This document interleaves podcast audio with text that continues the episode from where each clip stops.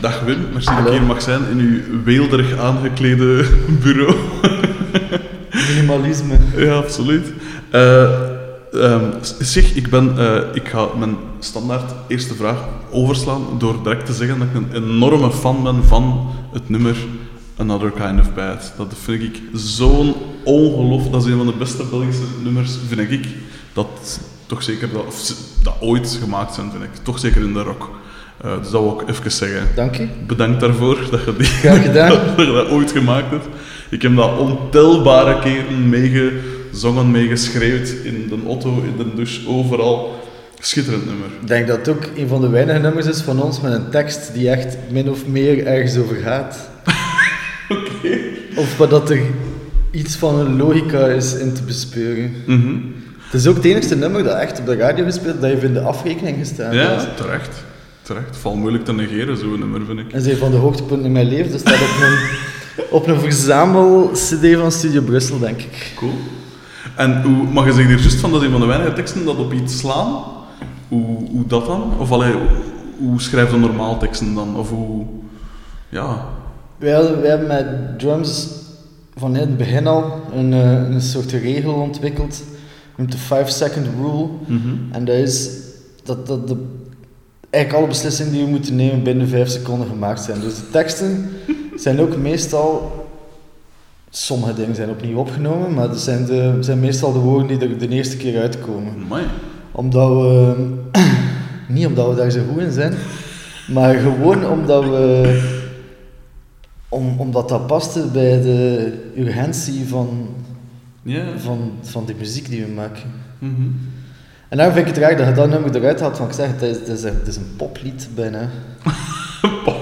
qua, qua, Het heeft qua- strofe, refrein, Ja, een wel. brug. Ja. Het is het meest klassieke dat we ooit gemaakt hebben. Dat is misschien ook de reden waarom dat, dat de is dat op de radio geweest is. Waarschijnlijk. Waarschijnlijk. Maar eh, het is, oh man, die, oh, die strofes en zo, zo, en die opbouw, ik, oh, ik kan er blijven over praten. Allee, wijs. Maar hoe, hoe is dat nummer tot stand gekomen? Als we, om nu specifiek bij dat nummer te blijven? Want je zegt ook, het is dus blijkbaar zowel qua tekst als qua, als qua structuur is niet standaard voor, voor hoe, dat drums werkt, zo gezegd. Goh, ja, nee, het, viel er een beetje uit voor mij ook, omdat dat andere nummers zitten, zitten veel hey, ingewikkelder in elkaar. Mhm. of, eh, ehm, maar dat gaat zo gegaan zijn als dat, dat bij de andere nummers is gegaan, vrij snel gewoon. En dan Mhm. in de studio nog wat verder uitgewerkt samen met de producers toen, Nick en Reinhard. Ehm Reinhard speelt daar bijvoorbeeld, er zit een solo in, maar dat is een vioolsolo, dat is geen gitaarsolo. Ja. Dat is Reinhard op zijn viool met een, max. met een rat ertussen. Ehm, dus dat zijn allemaal dingen die gewoon op het moment zelf ontstaan. Hey, dat, dat, dat frisheid, dat klinkt heel stom, want die muziek klinkt niet fris of zo, maar Mhm. ehm bazaal. Echt zo. Als je schreeuwt, dat eruit komt, dat is meestal het eerlijkste. Tuurlijk. En ik vond dat muziek van drums altijd eerlijk moest zijn. Mhm. Eh, om terug naar het begin te gaan, want ik, allee, ik- ik- voor mij was dat ook het, het, het, eh, het nummer waarmee ik jullie leerde kennen en zo. En ik heb direct de CD eh, besteld toen nog, denk ik, ik weet niet meer via waar, maar ik moest die CD hebben. Dat is een van de weinige keer, ik ben nooit een CD-koper geweest of zo. Eh, maar ik hoorde dat nummer en ik dacht, fuck, dat moet ik, daar moet ik toch meer van horen. ik ben ook absoluut nooit een radioluisteraar geweest, dus ik weet zelfs niet hoe dat ik ermee in contact gekomen ben. Maar man, ik heb dat nummer, oh, grijs gedraaid. Maar dus, eh gans in het begin, wat is uw, uw allereerste herinnering aan muziek? Mijn allereerste herinnering aan muziek, The Shadows. Oké. Hoe dat? Mijn vader had een collectie platen, Ja. die ongeveer zo dik is als een rechtopstaand sigarettenpakje. Mhm. Dus een centimeter en een half. Als je ze echt aan hè, je snapt wat ik bedoel. Eh, drie daarvan waren eh, platen met vogelgeluiden op. Vogelzang 2, 3 en 4. Eén hadden we niet. En eh, de andere plaat waren de Spotniks en dan twee van de Shadows. En ik vond dat de max. Maar ook heel het, eh, en dat klinkt nu een beetje te dwaas, ik weet het, maar het opleggen van die plaat en zo die naald daarop, leggen, ik mocht daar ook niet aankomen. En de Ja. plaatspeler, natuurlijk niet. En eh, als, ik dat, als ik dat dan deed, of als hij dat deed, zo heel dat ding uit die hoezaal en dat daarop leggen, dat was altijd zo gelijk zo wat... Dus ja, dat is definitely mijn eerste eh, Mhm. herinnering als het gaat over muziek. Mhm. Ik ken ook al die nummers nog van buiten. Ja. Eh, ik neem aan dat uw vader dan niet super muzikaal was, aangezien dat de collectie beperkt was. Zijn lievelingsnummer is eh, The Lady in Red. Van Chris de Burr. ja, maar mocht die mensen daar niet voor Nee, veroordelen, vind niet, ik. niet. Alhoewel dat ik dat heel vaak gedaan heb. ik heb het als dus niet van thuis uit meegekregen, Oh, laat ja. het zo zijn. Want eh, zowel jij als uw broer maken deel uit van eh, Drums Are For Parade. Van waar kwam dat dan? Mijn onkel, Ah ja. David Dupré, Mhm. van Arid, Mhm. mijn eerste band. Inderdaad, ja. Ehm, was een muziekfreak. Mhm. En echt de status quo, Joan Jett en de Blackhearts, en al die 7 inches. Ja. En eh, David was mijn beste vriend eh, toen op dat moment, als we klein waren. En ik ging daar vaak gaan slapen en dat was altijd muziek luisteren. En eh, hij had, zijn vader had ook een gitaar, een elektrische gitaar zonder snaren. Mhm. Ehm, en daar stonden we dan altijd met echt, ja, het, het cliché verhaal. En ehm, daar is dat begonnen. We hebben toen ook samen met David, eh, eerst hebben we surfen geprobeerd. Dat is niet echt, eh, niet echt mijn ding. En dan kwam eh, de gitaar. Mhm. En eh, zo, ja, muziek luisteren en gitaar spelen. Ja. Wat was dan toen, dat op welke leeftijd was dat ongeveer dan? 12, 13. 12, ja. Wat was de muziek waar je toen aan luisterde? Was dat nog altijd... eh, The Shadows. de Shadows? maar je had nog geen eigen eh, voorkeur ontwikkeld? Goh, ik of- heb mij altijd heel lang... Ik heb mij lang laten leiden door andere mensen. Dus eerst door mijn onkel en dan David. Mhm. Die dan, eh, omdat hij daar iets dichterbij zat, al wat meer wist over muziek. Mhm. En altijd zo'n beetje een meeloper geweest in het begin eigenlijk. En toen zat ik op school, ik weet ik in het tweede middelbaar, luisterde ik naar New Beat en was ik racist.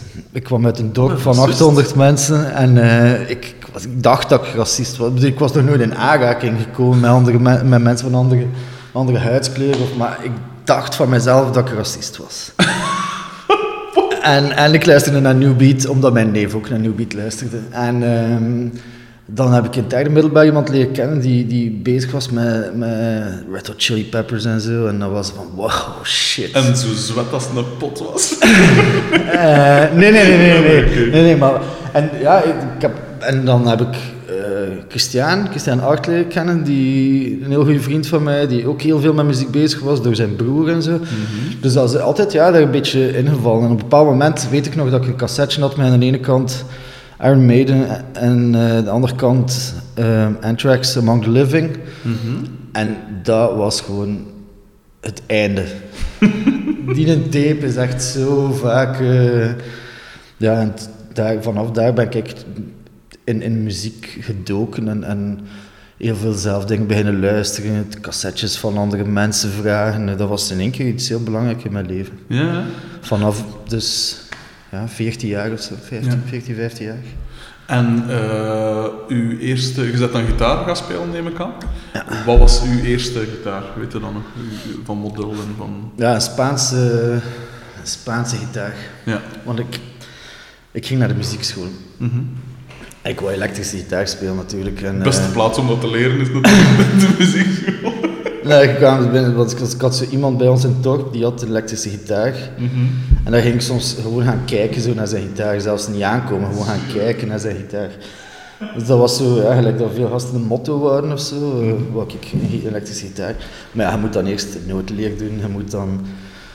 En ik weet nog dat ik bij een leraar zat die eh, eigenlijk vioolleraar was. Mhm. Maar er was maar één student gitaar, dat was ik. En daar worden ze geen speciale leraar voor vragen. Dus eh, die, die zei de hele tijd van zo, maar Wim, je hebt viool aan. Je zou echt viool moeten doen. Ik zei, nee, nee, ik, ik, ik, ik ga voor de elektrische gitaar. Mhm.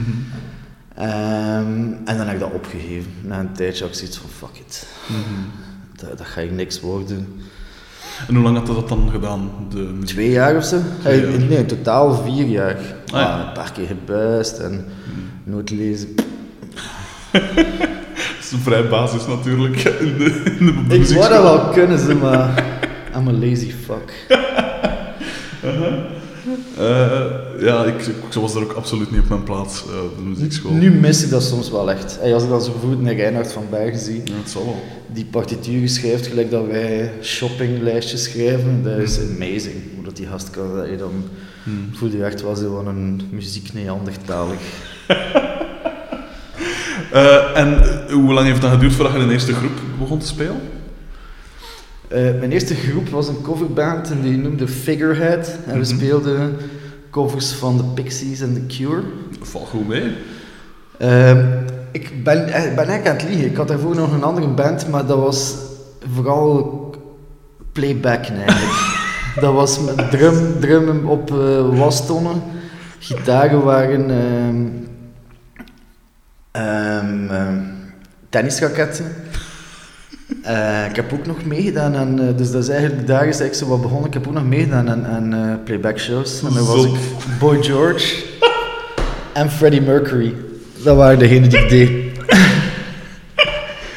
dus ja, ik denk dat ik altijd al zo wat muziek was wijs in het begin, maar ik denk dat ik altijd al zo gelijk wel wat geperformed heb. Zo. Eh, Dat ik altijd wel, hey, look at me, look at me. Dat heb ik altijd wel gehad. Ja, oké. Ehm, dus voilà, maar mijn eerste echte band was dus Figurehead. Ja. Eh, ik heb daar niet lang in gezeten, want ja, ik vond dat maar niet zo cover spelen. Nee. Plus, ik ben ook technisch niet zo goed. Hè. Nee, maar dat is, dat is een feit. Ik, ik kan zo een paar trucjes, maar...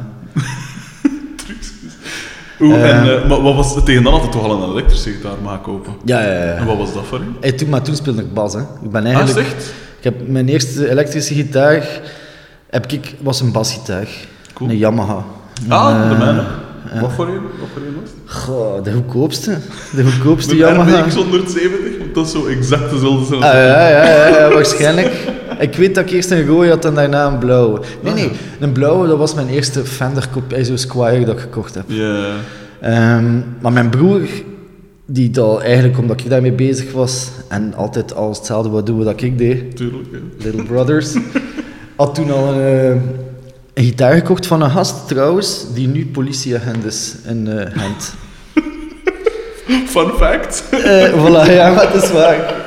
Het is echt, nu, die gast, ik weet dat, we zijn er samen om geweest, dat was vlak bij mijn moeder haar werk. Ja. En die gast loopt hier nu zo rond met zijn domme muil en een kipier.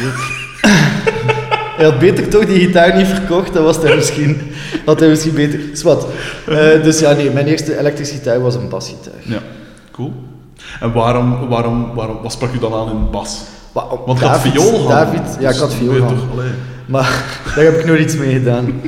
Ehm, maar David speelde een elektrische gitaar. Hè, en ik Ah, had ja, dus van, ja, we hebben nog doen. nodig, een drummer. Nee, is te moeilijk. Eh, basgitaar. Uh-huh. Eh, ik weet daar ergens tussen, want ik heb heel veel gebloot en ik, mijn jeugd is zo'n beetje een waas. Ehm, maar ik weet daar ergens tussen, rond de tijd van Nirvana, voordat ze doorbraken, ken ik Nirvana al. Ja. Ik ben altijd heel trots op. en ik weet dat we toen, ehm, ik en David, op mijn kamer cassettes opgenomen hebben met onze akoestische gitaren, waarbij dat we zo eh, op crappy wijze, niet omdat we dat wouden, maar gewoon omdat we dat niet beter konden, nummers van Nirvana naspeelden en die we dan verkochten op school als zijnde demo's, demo's van de eerste Nirvana-plaat, Bleach. Terwijl die nummers helemaal niet op Bleach stonden, maar is wat... Dat was, ik denk dat we er toch wel zo drie verkocht hebben of zo. Maar en je, deed alsof dat het echte demo's daarvoor waren? Of gewoon van, ah, wij hebben dat nagedaan voor de grap, voor, allee, voor de grap zo gezegd, en dit is wat dat, hoe dat, dat zou zijn.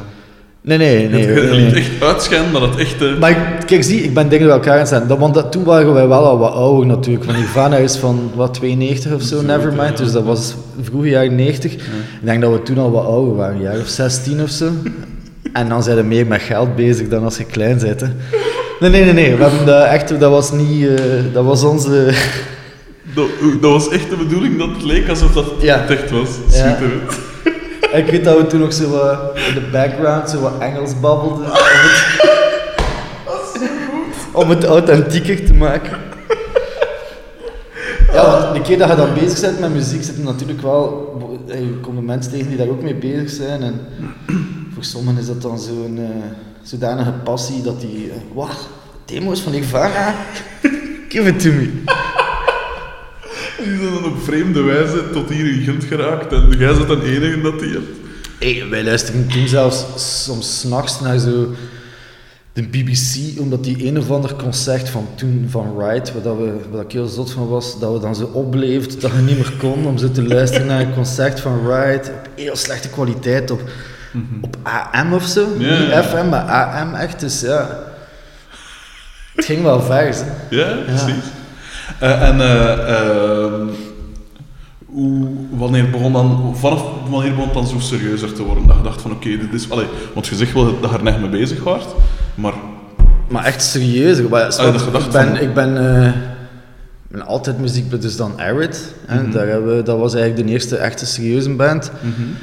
Daar heb ik eigenlijk lang mee gespeeld, want Arid, eh, toen dat die zo wat doorbraken, de jaren daarvoor waren wij een heel andere band. Jasper Steverlink zat daar toen nog niet bij. Dat was ik, ehm, David, mijn neef, eh, en Fabio Pantera. Fabio Pantera is een Italiaan die toen 15 jaar ouder was dan ons of zo. Wij- Ik was 18, David was 19, Fabio was echt al 32. Ja, ja. Ehm, en toen, toen- wij speelden echt zo wat.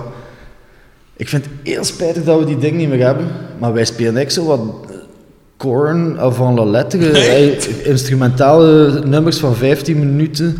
Mooi. Ehm, ja, de, de, ik vond dat heel goed wat wij toen deden. Ik weet toen ook nog dat. We hadden toen ook de gasten van Solwax leren kennen. eh, en die zijn een paar keer naar ons repetitielokaal geweest. We zijn samen nog naar instrumentenbeurzen geweest, omdat we allemaal zo wat op dezelfde trip zaten. Ja. En dan leerde Kaius kennen en Monster Magnet. En, en we- dat ging goed. Ik denk dat we met die bezetting één keer gespeeld hebben, samen met Eden. Van, eh, Roos van Akker. Roos van Akker. En ik weet dat ik toen een basnaar gesprongen heb en dat ik vroeg aan die gast van Eden, mag ik jullie basgitaar? Want hey, het is niet dat ik zo Ah, nee, ja. iets anders heb of snaren bij heb, for that matter. En dat mocht niet. Dus ik heb mijn eerste optreden met Arid gespeeld met drie snaren. Dus wat, even tussendoor. Eden never liked him. Ehm, Oud. dus wat was ik aan het zeggen? Ah ja, voilà, dus dan, dan werd dat wel echt iets serieus. En dan eh, Welke leeftijd is dat ongeveer? 18, 18, 19. 18, 19, ja, toen dat ik juist in de Hermaanse zat. Ja. Ik heb daar maar een jaar in gezeten, dus... eh, Ik ook. Hier op de Eh, Blandijnberg. Of, ja. eh, ja. Ehm, en dan... We repeteerden in de Overpoortstraat. Mhm. En recht over ons was er eh, een café. maar dat Waar in de Overpoortstraat? Waar ben je? In Boven de Café Ogan. Dat ga je waarschijnlijk niet kennen, maar dat was ongelooflijk. Dat was Ik een dans. pijzen, muziek in de, in de Overpoort, dan wel bijna in de frontline. Zo. Nee, nee, nee, nee. nee. Nee. Café, de- Café Ogan of Café de... wat. Echt een Ronnie-kot, ongelooflijk. ik, ik, ik ging toen niet... Ik, ging, ik ben nooit echt zo in toe weggaan geweest Nee. of zo, maar... Wij repeteerden naar boven, want dat een kot, dat was 400 frank in de maand of zo. Oh. Ehm, voilà, en daar, daar zijn we met Arid begonnen. En recht over ons was er een café waar dat er eh, veel bands kwamen spelen. Op een bepaald moment kwam daar een band spelen, de Kaya. We gingen gaan kijken en die gast was amazing. Die voc- en dat was Jasper, Jasper Ah. Steverling dus. En dan hebben we die meegebracht naar ons repetitielokaal van hey, hij moet bij ons komen zingen. Ja. Ehm, en we hadden toen al een tape ingediend voor eh, Kort Gerokt. Dat was zo een soort rockrally Mhm. tijdens de Gentse feesten. We waren daarvoor geselecteerd. Ehm, en dus ja, dat was zijn eerste optreden. Twee weken nadat we dus heeft er ook gewoon wat staan improviseren. Maar dat, dat was goed, maar wij waren tweede. Degene die eerst waren, dat was Things to Come. Die daarna Das Pop is geworden. Ah. Ehm, die ik toen verschrikkelijke eikels vond. Die waren echt niet cool tegen ons, maar wat, nu wel. Love you guys. Ehm, en eh voilà, dus ja, Jasper is er dan bijgekomen. Ik en Jasper, dat ging niet echt goed. Jasper had toen al een manager. Echt? Ja, of zijn vriend die dacht van, oei, ik, ik heb hier een, een eh, kip met de gouden eieren. eh. En ik was zo, ik was op een raar moment in mijn leven en eh, ik wou dan eigenlijk niet meer bas spelen, ik wou percussie gaan doen en synthesizer spelen, terwijl dat helemaal niet kan. En dan, eh, dan, dan ben ik uit die band gegaan. Eh, ben ik uit Arid gestapt en een paar maanden later, gigantisch succes. Eh, voilà. En dan heb ik eigenlijk heel lang... Want dan ben ik in een BVBA begonnen, een productiehuis, Mhm. waar we heel veel videoclips en zo mee gedaan hebben. En ben ik wel blijven muziek maken, maar dat was puur elektronisch samen met Cool. Jeroen Smeijers, de, een van de vier gasten waarmee dat ik toen eh, die BVBA begonnen was. Wij hadden eh, overdag maakten wij bedrijfsfilms voor Campina. Mhm. We maakten daar dan ook de muziek voor. En zo verdienden wij wat geld om. En s'nachts zaten wij de hele tijd in de studio. En we hadden zo'n heel klein mijn opnameruimte en zo. Allemaal vrij state-of-the-art materiaal voor die tijd. Ehm, voilà. En dan eigenlijk fast forward to 2007, 2008 of zo. Mhm. Eh, na mijn faillissement van die zaak. Echt? Ik wou heel lang, ik ken Piet, Piet Dirks al, al van de tijd van mijn Soulwax. eh, Mhm. En ik wou heel lang met hem spelen, want ik vind hem een gigantische drummer. Mhm. Ondertussen weet ik al beter. En, eh, nee, nee, nee, nee, die, nee, nee, die guy is amazing. Mhm. En ehm voilà, we hebben dan ooit een keer samen gespeeld. Ik had toen nog een basgitaar, een 5-string. Oeh. Verschrikkelijk. Eh, shiny orange, 5-string. en mijn versterker was zo een, een cube. Ja, van Roland. Of wat? Dus ik, ik, ik met heel veel verwachtingen naar Piet zijn kelder. Cube geïnstalleerd. We gingen bas spelen en ik had van alles in mijn hoofd. Het gaat de max zijn. Het gaat echt super zijn. We beginnen te spelen, dat kot is de helft van dit hier. De kelder. Piet slaat zo hard op die drums dat ik... Eerst en vooral hoorde ik mijn dingen niet, maar, maar ik werd fysiek onwel van wat we daar aan het doen waren. Dus daarna twee uur had ik zoiets van... Dude, dit wordt niets. En dan, eh, denk ik, twee weken later nog een keer gerepeteerd in een ander repetitielokaal. Ondertussen had ik al mijn basgitaar eh, weggegooid en hadden we een amp geleend van Dave van Soulwax. Ja. Ehm, en voilà, en toen is drums begonnen. Eerst Piet en ik alleen, dan heel snel mijn broer erbij. Mhm. Ehm Niklas Karkatsani zat een tentoonstelling. Hij zei van, eh, "Ga, ik zoek een band om dat te openen. Oké, we'll do it, want toen één nummer. Eén nummer. En dat was vier weken later of zo. Ik had al wat demo's gemaakt, want ik zeg het ondertussen, ik ben altijd muziek blijven maken. Ik ben nooit gestopt, maar wel, ey, altijd zo wat huisfluit ook. Ja. Ehm, en toen hadden we een set van 20 minuten en dan... Diezelfde avond dat we onze eerste show gespeeld hebben, heeft Nick van Das Pop, een goede vriend ondertussen, ehm, toen ook al gezegd van hey, we hebben nog wat dagen staan in de Jet Studios. Heb je geen hoesting? Oké. En dat was onze eerste EP. Die hebben we op 24 uur opgenomen. Dus het is morgens toegekomen. Zes num- nee, vijf nummers, want dat één nummer hadden we al. Mhm. Ehm, tegen, denk, tegen 7 uur stond de muziek erop. Om Mooi. 9 uur moesten we buiten en we hadden nog geen lyrics. Dus hebben we gewoon alle nummers Oh ja. na elkaar laten afspelen. Ik heb, Piet, ik heb een keer geroepen, Piet heeft een keer geroepen. Geëdit, voilà, dat was het. In mijn opinie nog altijd de beste plaat die we gemaakt hebben. Echt? Ja. Cool. Ah, voilà. Waarom? Omdat het inderdaad op 24 uur gemaakt is. Ja. Hey, nee, niet, dat die nummers op diezelfde dag geschreven waren, die hadden we wel al in de repetities Ja. en zo doorgenomen, maar het was wel gewoon dat. We zitten hier van 's morgens vroeg tot de volgende morgen en we willen met een plaat naar buiten komen. En dat is gebeurd en dan eigenlijk... Ik denk dat eerste nummer, op, toen we, we hebben dat op MySpace gezet toen nog, Mhm. en, en ja, we hebben veel vrienden, muzikanten. En iedereen reageerde daar gewoon ongelooflijk goed op. Van wauw, shit, ongelooflijk, wat is dat? En zo rough en zo hard. En eh voilà.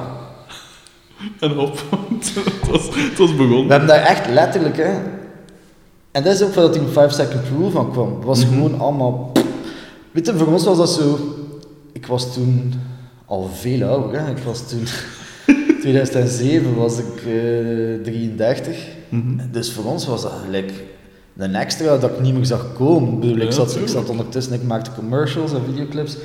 Ik had mijn job gekozen. Mhm. Eh, en dan blijft dat maar gaan en dan eh doe je supercoole shows, supergoeie voorprogramma's. Gaat wat in Holland gaan spelen zelfs. Is er in één keer een boeker in Nederland die zegt van hey, ik wil met jullie werken. Mhm. Frankrijk juist hetzelfde. Dus pff, ja, we hebben dat nooit niet... Eigenlijk vanaf het moment dat we er begonnen over na te denken, dat we zeiden van oké, wat is onze volgende stap? Toen was het gedaan. Ja, nee, echt waar. Ik denk dat wij een soort fenomeen waren of zo. En, eh, want ik weet niet of dat een beetje gevolgd hebt, dat we daarna nog gemaakt hebben, maar dat ging in alle richtingen. Hè. Ik heb, ik heb iets gehoord van een, een samenwerking met Chris Goss. Ja, Dat Chris Goss zong. ja. Hoe, hoe, hoe kwam dat? Want dat is toch ook niet... Chris is een goede vriend eh, van Piet, want de eerste plaat van Soulwax is geproduceerd door Chris. Ah ja, oké. In L.A. Ehm, en eigenlijk was altijd zo'n beetje onze, onze maatstaf zo van... eh, als Chris het goed vindt, dan gaat het goed zijn. Uh-huh. En dat is ja, een van de liefste mensen die er bestaan. Eh, we hebben daar nog mee gespeeld, we hebben daar mee getoerd in Duitsland. Mhm. Ehm, en dan hadden we op een bepaald moment hadden we het idee van we gaan nummers maken. Want wij hadden zelf eigenlijk heel weinig zang daarop. En we dachten van, ah shit, we zouden toch iets doen met zang. We gaan het zelf doen. Nee. Dus toen hebben we zo wat helden van ons gevraagd om, om op nummers te zingen. Chris was daar een van, Rude Boy van de Urban Ja. Dance Squad, Mooi. Tim van Amel, Ja, eh, Jeroen van de Subs. mooi. Jasper hebben we ook gevraagd eigenlijk, maar dat is nergens naartoe gegaan. Wat heel spijtig is, want we hebben daar één sessie mee opgenomen en eh. Hij durft niet op dat moment, denk ik. Ik denk dat hij... Ik weet het niet. Hm. En wie stond daar nog op? Ah ja, eh, Pieter Paul, Ja, cool. mijn grootste held. Eh, En de plaat daarna was, was, eh, zijn we drie dagen voor in, in, in de studio getrokken, al ons materiaal opgezet en gewoon op record geduwd. En op het einde van die drie dagen gestopt en daar dan daartussen gewoon volledig outgespaced en daar nummers van gemaakt. Dus dat was nog iets anders. Ik denk dat we soms wat te veel, eh, ey, of ik heb dat toch zelf vaak, zo wat vernieuwingsdrang of zo. Ja, En dat slecht. soms is dat goed, soms is dat niet goed. Ja. Eh, niet te ver afwijken van het Voilà. Ja. Op een bepaald moment, twee jaar geleden, hebben we dan nog een klein tourje gedaan met drums, Mhm. waarbij dat we twee backing vocalisten hadden en eigenlijk totaal tegenovergestelde maakten van wat dat we met, daarvoor met drums maakten. Dus gewoon live ambient, met heel veel synths. Mhm. En ik moet zeggen, voor het magazijn Kat was de eerste show dat we dat deden. Mhm. Ik kwam daartoe, iedereen liep er al stront zat rond, was al uit te roepen van... En dan beginnen we zo... En toen heb ik echt... ey, ik denk dat mensen teleurgesteld waren. En toen dacht ik van, oké, je kunt voor... eh, je speelt voor jezelf, fuck it, wat mensen ervan denken. Tot op Ja, zekere als je formule hebt... eh, ja, dus dat voor veel mensen werkt. Hè. Mhm. Ik zeg niet dat het gaat over, over wat dat werkt en niet werkt. Hè. Bedoel, Mhm. maar alle muziek die we ooit met drums gemaakt hebben, sta ik volledig achter. Het is niet dat we ooit iets geprobeerd hebben om in een andere richting uit te gaan. Het was altijd gewoon, hé, hey, gaan we dat keer doen? Hé, hey, gaan we dat keer doen? Ja, we gaan dat doen. En, en nooit niet lang over nadenken. hè. De 5 second rule. Eh, voilà. Want dat nummer met Chris Goss, eh, ik had dat nog nooit gehoord. Het was echt in, in, in bij zijn keer gisteren of zo dat ik het voor het eerst hoorde. En daar kwam inderdaad elektronica in en dat was echt inderdaad zoiets anders. Maar dat was... Ten eerste, ik vond dat nog altijd Drums Are For Parades was, wat dat dus wil zeggen dat het niet te ver afweek. En ik vond dat goed, goed ineen zat en goed en, en, variatie, want dat begint dan... Hoe begon het weer? Vrij... Met, die, met zo'n samenzang, dacht ik. Hè? Ja. Samenzang. En dan eh, de gitaar en dan op einde zo wat meer elektronica ertussen, dacht ik. Als ik het Ja. ik zei het, mijn geheugen is niet altijd even goed. Maar ik weet wel dat ik het goed vond en dat ik het meerdere keren opgezet heb. Eh, en eh, ja, dus, dat, ik vond dat wel ferm. Ik zeg het, het is niet... Want je kunt inderdaad beginnen afwijken en, en, en variëren en, en dat kan op niks trekken. Maar ik vond het wel goed. Ja. En, en dus je hebt wel gelijk dat je erachter stond. Want Ja, ja. Is, dat is ook het minste, hè. je moet er zelf achter staan, vind ik. Ja. Ja. Ehm, maar eh, eh, toen, dat, toen dat je dan stopte met Arid, dan wou ik er zoiets nog... Maar ik liet u, ik liet u omdat... Ja, waarom zou ik je onderbreken? Maar toen dat je bij Arid, eh, toen dat je daar dan mee stopte en toen dat, dat dan groot werd, hoe, hoe, wat vond je daar aan? Of hoe, dat, hoe ging je daarmee om? Ik vond dat de max. Ja. Ah ja. Dat was... eh Eerst en vooral ook zoiets van... "Ah, That's not what I do. Het is veel te mainstream en, Mhm. en het is people pleasing, terwijl ik liever stoorzenders maak. En, eh, Mhm. Maar ja, David was mijn beste maat toen nog altijd, dus ik vond dat de max. Ik vond dat Mhm. de max dat dat gebeurde. En het ook van heel dichtbij meegemaakt. Ja, tientallen shows mee geweest, festivals. Nog videoclips voor gedraaid ook in een tijd. Dus ja, nee, ik vond dat, vond dat heel cool. Hmm. Eh, toen dat je dan met... eh, of, want toen dat je die een demo dan had opgenomen op 24 uur... Van Nirvana. ah nee, nee, nee, nee, ons plaat bedoelde. Artificial Sacrificial Darkness Ja. in the Temple of the Damned. Ja, Ja, dus een mond vol. Eh, ja, wel, als je nu over die titel spreekt, van waar, van waar komt die titel? dat zijn drie nummers van een of andere... We hadden een interview met Radio Urgent. Mhm. Eh, en want die plaat juist opgenomen en we moesten die... eh, we hebben die al sinds vlak voor dat interview uitgevonden, die titel, omdat we over die plaat moesten spreken en we hadden nog geen titel. en ik denk dat we toen gegoogeld hebben naar zo, ik niet, doom metal of death metal bands en dan zo in een soort eh, playlist van een plaat daar zo wat termen uitgehaald en die samengeplakt. Cool. Dat komt daarvan en klonk ook ongelooflijk. Eerst en vooral was het heel moeilijk om te onthouden. Wat dat altijd goed is, En, marketingtechnisch gewijs. ah, maar, maar dat wil ik zeggen. We maken stoorzenders. We maken Jawel. geen dingen die, die makkelijk binnengaan. Oh nee, maar dat vind ik zo stof inderdaad. En het is wel cool dan als er dan zo twee mensen een gesprek hebben over die plaat en ze hebben Artificial Sacrificial Darkness in the, in the Temple of the Damned. Nee, nee, die andere plaat. Hey, en dat klonk ook heel pompeus en, en heel eh, arrogant eigenlijk. Dus ja, ik denk dat we daar altijd een beetje proberen hebben om ons handelsmerk daarvan te maken, om, om heel arrogant te zijn. Echt?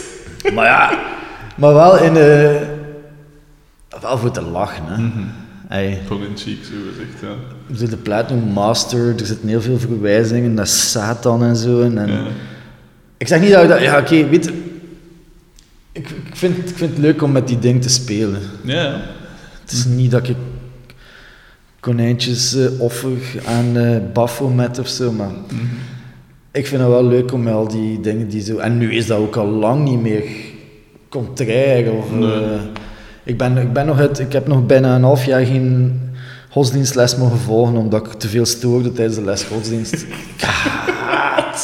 Godsdienst. Alles wat dat met religie en zo, dat is, ja, het is mijn stokpaardje, daar kan ik... Nee, maar daar kan ik u in volgen. Dus vond ik het wel wijs om zo op, al was het niet duidelijk op wiens scheen dat geschopt, hè, gewoon om daar zo wat, ja, om daar iets mee te doen. Zelfs niet mee te lachen, gewoon een tegengewichtje vormen of zo. Cool.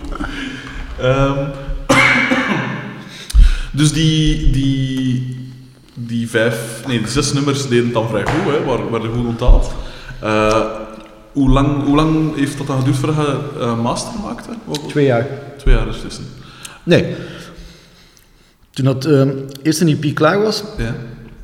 een jaar volop gespeeld. We hadden toen ook eh, een boeker, Rutger de Brabander. Eigenlijk zo wat, eh, toen in het begin het vierde lid van drums. Zonder hem hadden we nooit niet kunnen doen wat we... was toen nog een jong gast en eigenlijk... Hij had ons, hij had ons gehoord ergens, ik denk ook van dat nummer of zo, op, op MySpace. En die was naar ons gekomen en gevraagd van, ja, mag ik jullie niet boeken? We zeiden, "Wat? Boek? Ah ja. Hij zoekt dan shows voor ons. Ah. en dat was de max. En op een bepaald moment zochten we, dachten we dat we een manager nodig hadden. Dat was voordat we aan de plaat begonnen. Nicolas Carcassanis is dus eigenlijk ook zo'n beetje de... Ik weet niet of je die kent. Eh, ik zie die naam geregeld wel eens passeren, ja. Dus momenteel Maar echt in thuis. een van de, van de meest bekende Belgische cameramannen, maar is Ja. ook een gast die ook in de commercials zat, af en toe wat geld verdiende. En dat geld, die heeft eh, de Hickey Underworld en ons eigenlijk zo wat op de kaart gezet. Ja, Ehm heeft ook integraal master betaald. mooi. Eh, dus op al die dingen dan een beetje serieus gewerkt, dachten we, we hebben een manager nodig. En we vroegen naar Rutger, kende hij niemand? En hij zei, "Eh, nee, maar ik wil dat eventueel wel zelf doen. En dat, eh, ja, het is ongelooflijk wat die gast allemaal gedaan heeft. Mhm. Dus, Mag ik vragen waarom, waarom dat Nicolas die, die plaats wilde betalen? Want dat is toch ook niet niks? Een, een, shitload opname daar betalen? die gast is, ja, ik weet het niet. Ik weet niet hoe dat komt dat ik die mensen tegenkom, maar dat is, die gast is amazing gewoon. Mhm. Die, die heeft ook, zelfs een paar jaar daarvoor, heeft hij, heeft hij een strip uitgebracht van iemand die dat interessant vond. Mhm. Ehm, dan de Hickey, eh, zwaar gesteund. En dan had hij dat nummer ja, van ons gehoord ook. En wij waren toen al goede vrienden, we werkten vaak samen. Ik zit ook Ja, de natuurlijk. Ja. filmbranche. Ja. Ehm, een beetje samen gegroeid. Eh, voilà, ja. Waarom dat hij dat gedaan heeft, dat zou dan hem moeten vragen. Maar ik denk dat het Mm. antwoord gaat zijn omdat hij dat de max vond om te doen. En omdat Mm. hij vond dat dat, Dat dat moest gemaakt dat, dat worden. moest Ja, gemaakt worden. Dat is wel heel cool. Ja, want die eerste plaat die uitgekomen is, Artificial Sacrificial Darkness in the Temple of the Damned, eh, die eh, is op 300 exemplaren of zo uitgekomen. Mhm. Ik weet niet of je die goed zo het gezien hebt, maar dat Nee. is, eh daar staat een adelaar op. Mhm. En die een adelaar is in, in leaf gold, dus dat is echt goud. Dus dat kost... Miljard. Maar dat was belachelijk. We verkochten die plaat voor 15 euro. En die kostte, denk ik, om het te maken, 13 euro of zo. Dus pak dat we er dan ook nog een keer 100 gewoon weggegeven hebben op shows van... Eh, we hebben een plaat hier. Maar die heeft wel zijn werk gedaan. Tuurlijk. want het is door die plaat en, en, en gewoon het feit dat vanaf toen hadden we zelf al door van zo, ja, we hebben hier wel iets te pakken dat interessant is. We moeten hier serieus mee, mee verder gaan. En toen eh, hebben- zijn we aan master begonnen, dus dan, die is in 2010 uitgekomen. Dus ja, anderhalf jaar tussen die twee platen. Ik durf dat je ook iemand zei dan niet echt om... Allee, dat je... Om, omdat je dan nu zegt van met dat blad gaat, dat is zoiets wat ik ook zou durven doen, omdat dat iets... Dat was een beslissing van Nicola. ja. Hij wou, en hij wil nog altijd dat alles wat hij maakt, wat dan niet rap rap gedaan is, hij wil dat dat ja. Coolste object is dat Ja, je ooit voilà. gezien hebt. Zo is wat, sorry. Nee, nee, ja, wel, dus dat je inderdaad dat je dat belangrijker vindt, dat je iets, iets van waarde voortbrengt, ook al is dat maar tussen aanhalingstekens een EP, en is dat maar op 300 exemplaren of weet ik veel, dat dat iets, iets speciaals is en iets ferm is en iets dat dat wat afwijkt van wat dat al de rest al doet. Ik neem, ik vind- neem aan dat dat belangrijker voor u is als wat dat opbrengt. Anders zijn de productiekosten geen 13 euro en de verkoopprijs 15 euro. Eh, Die een band heeft nooit iets opgebracht. Jamais. Dat heeft alleen geld gekost. Maar het is het wel Dus ja, waard. En we hebben dat wel zoveel jaar aan een stuk gedaan, dus inderdaad, dat is het antwoord op je vraag. Dat, dat het gaat niet over dat geld verdienen. Mhm. Wat dat niet wegneemt dat ik het.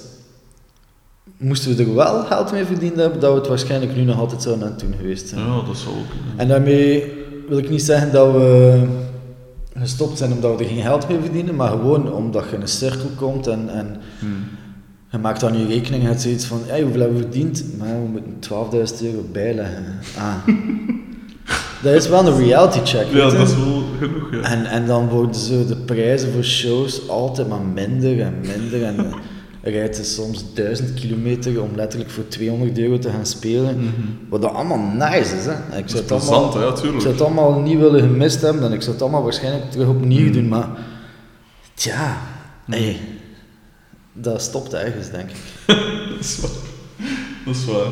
Pas op, ja, like dat je zegt, ik zou dat er ook wel, ik zou ook, dat ook wel blijven doen. Al- Duizend, als iemand mij zegt 1000 kilometer rijden voor 200 euro, alleen voor een optreden en 200 euro, ik zou dat nog altijd direct doen. En, en, allee, ik versta dus wel, maar inderdaad, ja, op een gegeven moment, op het einde van de maand moet alles ook betaald worden. Hè, ja. Ja, we hebben dat, ik zeg, we hebben dat vijf, zes jaar gedaan, dus ça va, hè. De- de- en soms zit ik daar dan een keer, bijvoorbeeld in, eenmaal in het begin, toen dat ook net die, die EP uit was, ook een van de dingen die Rutger gefixt heeft voor ons, Hm. een festival in Zwitserland, waar dat je echt royaal betaald werd, waar dat we drie dagen in een caravan mochten zitten en, en absint kregen, een zak wiet kregen, alles. Dan, dat, maakt die, hey, dat maakt die ritjes naar Tuurlijk. Hamond, Achel voor 200 euro wel de moeite. En dat is eigenlijk bullshit. Ik, kijk, zie, ik neem dat allemaal terug. Dat is allemaal de max. Er, er is daar geen enkel... Ik denk alleen dat dat gewoon na een tijdje wat begint te wegen en dat je dan Mm. kijkt van, eh, doe dit nog of niet? Mm. En we waren ook allemaal op ballen, hè. Ik bedoel, eh, iedereen had kinderen, ey, Ja, tuurlijk. families, werk. Ja. Ehm, oh my god, ik klink echt gelijk een trieste. Maar eh, Nee, nee, care. ik vind dat juist positief, want vroeger dacht ik ook altijd, of toen ik met muziek begon, eh 14 jaar geleden, dan, eh, toen ik ook mijn eerste basgitaar kocht, eh, dacht ik ook van, ik wil muzikant worden, beroepsma allee, beroepshalve, dat ik er mijn geld uit haal en weet ik veel. Maar nu, hoe langer hoe meer dat ik, eh, of hoe ouder dat ik word en zo pijs ik, oké, ik heb een goede job. Eh, ik mag niet, niet of allee, ik, ik ben niet, niet rijk of zo, en- ik ben zeker niet van rijke afkomst. Maar ik kom rond en die muziek is echt puur zo voor de... Eigenlijk onlangs speelden we in, in Kortrijk in de Cinepalace, ik weet niet of dat je het kent, zalige, super coole zaal. En die mens, die organisator of de mens achter dat ding, Wim Christiaans, was een zodanig idealistische mens dat echt dat dat puur Dat uit. Ja, ik dat dat puur uit liefhebberij deed en echt allee, zo gemerkt dat hij dat met, met zijn hart deed. En ik, ik weet nog dat ik, we moesten dan zo gaan opstellen en, en en ik zei tegen mijn, mijn gitarist en ik zeiden op hetzelfde moment van kom, pff, die moet ons niks betalen. Dus, allee, dus die, die mentaliteit, dat kun je permitteren als je ernaast wel een job hebt en zo. Voilà. En dan, maar dat vind ik dan ook wel direct veel waardevoller. Als je inderdaad kunt mee deel uitmaken van iemand zijn idealistisch project en zo, dat vind ik veel cooler. Of gelijk zo een, een, een, een eh, EP afleveren dat gewoon een cool object is. Dat je, het niet, dat je er geen geld moet uithalen. Voilà, want dat heeft ook zijn voordeel. Hè. Je Ja, kunt echt eh, een scheetlijn in een micro die duizend keer vertragen en dat uitbrengen op vinyl en zeggen dat dat je nieuwe plaat is. Tuurlijk, En het is gewoon lachen. En Ja, snap je? Hey, tuurlijk. ja, Dat is wel cool. Die... Dat, wel, dat vind ik wel cool. Dus dan die mentaliteit van inderdaad nog altijd voor zo 200 euro, ik weet niet hoeveel, te willen doen. Eh, puur uit liefhebberij zo. Dat vind ik wel... ja, maar ik zie, wel mensen, ik zie wel bij mensen rondom mij dat dat soms ook echt weegt. Hè. Hmm. Mensen die daarvoor echt eh, 10.000 kilometer zouden gereden hebben voor niets, die Mm. na een tijdje iets hebben van, pff, I've had it. Vooral drummers eigenlijk. dat die elke keer met dat spel dat moet opzetten en afbreken en dan zo, ja. Dat is juist. Dat kan ik me wel voorstellen. Eh, du- dus dan eh, zijn we op het punt gekomen dat je dus eh meester maakt. Hoe, hoe, komen, hoe, hoe kwamen die nummers tot stand? Of hoe schreef jij aan uw nummers? Was dat? Ik maakte alle nummers thuis. Ah ja. Ehm, en die waren dan eigenlijk meestal ja, tussen de 60 en de 80 procent klaar. Ja. En dan werden die in triptychie kots eh, uitgewerkt. Mhm. Eh, voor Master zelf voor de opnames hebben we daar dan met Nick eh, een beetje ah ja, serieus wat preproductie aan gedaan. Mhm. Om, om zanglijnen te zoeken en zo. En eh, zo, ja. Allemaal heel spontaan. Dat waren, en ik zeg het, ik doe dat nu nog altijd. Ik zet mij thuis achter mijn computer, ik programmeer een drumke, ik begin gitaar te spelen en dan zien we wel wat eruit komt. En als het iets wijs is, dan neem ik het mee naar de repetitie. Mhm. Eh, zo zijn al die nummers. Daar, behalve, er is één nummer die mijn broer geschreven heeft, want die speelde toen nog bij ons. Ja. Eh, Opium Dan Idiot Check, dat is een riff van hem. Een een van onze coolste riffs vind ik nog altijd. Ehm, maar alle, alle andere nummers heb ik zelf geschreven. Mhm. Staat niet zo op de plaat, want we hebben alles evenredig verdeeld. Maar Ja. zo is het wel gegaan. Dus inderdaad wel, ik vind ook wel, bij, bij ons is het toestel, ik schrijf ook alles en dan, ja, dan wordt dat wel wat gefine-tuned en zo. Maar ik zou het ook stom vinden om dat dan zo op een plaat te zetten van dat ik alles ge, zo gemaakt heb. hè. Ik denk, moesten effectief tienduizenden van die cd's verkocht hebben, Dan wel. dat je daar wel anders zou over nadenken. Ik zou dat al sinds doen. En dat, dat, je kunt eigenlijk heel vriendelijk zijn tegen de rest van je band als je toch weet dat je daar geen zak gaat aan verdienen. Dat is niet de reden waarom ik het gedaan heb. Nee, nee, maar Maar ik versta wat dat ik heb, dat, ik heb dat ook al gedacht van, ah, dat is toch cool van ons dat we dat doen en al. Mhm. Maar denk, ik moest effectief daar wat geld mee verdienen, dat er toch wel eh, Ja, dan een is hartig woordje zou gebabbeld worden over percentages. Ehm, maar eh, die. Wacht, hè. Zei want ik, dus de methode is min of meer hetzelfde, maar eh, vond dat, vond dat... Toen ik met mijn groep begon, was ik nog van, van zin, allee, met deze groep waar ik nu in zit, ik kwam uit de hardere punkrock en daar schreven we ons nummers te samen. Dus dan was dat op repetitie met een gitarist en ik en zo op, op elkaar afgestemd zijn en, en, en inspelen en zo. Eh, maar toen dat ik dus met deze begon, wou ik dat eigenlijk ook nog altijd. Omdat je dan zo het gevoel hebt van we maken samen niet, dan weet ik veel. En eh, en je dan, had je dan het liefst hoe dat je jij werkte, of had je wel het gevoel van ja, liefst van alles ook wel zo samen echt zitten? En, Dat laatste. ja. Want dat is ook wat we dan eigenlijk na de master gedaan was, Mhm. 2010. Eh, heel veel gespeeld. Ehm, ondertussen ook, omdat die plaat min of meer succesvol was, Mhm. is mijn broer dan gestopt. Dan hebben we David Dumont. Omdat de plaat succesvol was. Ja. Geert eh, was nog veel minder dan mij van plan om ooit nog in een band te spelen, denk ik. Dat was zo van, ah shit, we hebben een man te weinig. En dan zo Geert, is die niet... Ja, zo. Jij mini-voetbalde toen ook nog. Ja, ik wil wel wat komen spelen. En dan zo ik, oh fuck shit, shows. En, eh, en dat bleef, want ik weet dat we toen nog... Ja, hij werkte, hij had een vaste job. Dat we toen nog... eh, en een kindje, als eerste toen. En dat we toen heel veel shows rond zijn planning deden. Dat we denk ik echt zonder overdrijven, en ik neem hem dat helemaal niet kwalijk, eh, een derde van de shows of twee derde van de shows die ze ons vroegen niet, niet, konden doen, om, of nee moesten tegen zeggen omdat dat niet paste. Ik vond dat niet erg toen, maar toen dat die plaat uit was, Nou ja. Master was dat wel zo, oké, er hebben die mensen in geïnvesteerd. Eh, plus, er is heel veel interesse in, dat hadden we gezien bij de, bij de reviews en zo. Mhm. Eh, dus wij gaan daarmee gaan spelen, hè, zoveel als dat we konden. Ik heb toen ook zo'n beetje mijn, mijn ander werk opzij gezet en, en enkel en alleen voor de band geleefd voor een paar jaar. Mhm. Ehm, en dus veel droge boterhammen eten. Ehm, Zwaar. dan, dan daarna, wat, wat ik uiteindelijk wil toekomen, is dit, omdat je over de manier van werken Mhm. Al die nummers wat die op de EP staan en die op de plaat staan, zijn allemaal ongeveer rond dezelfde periode gemaakt. En waren gelijk zo van een, fla eh, niet, ja, een flash. Zo, Mhm. Ik denk niet dat ik nu nog zo'n nummer zou kunnen maken, maar dat mij trouwens heel hard frustreert.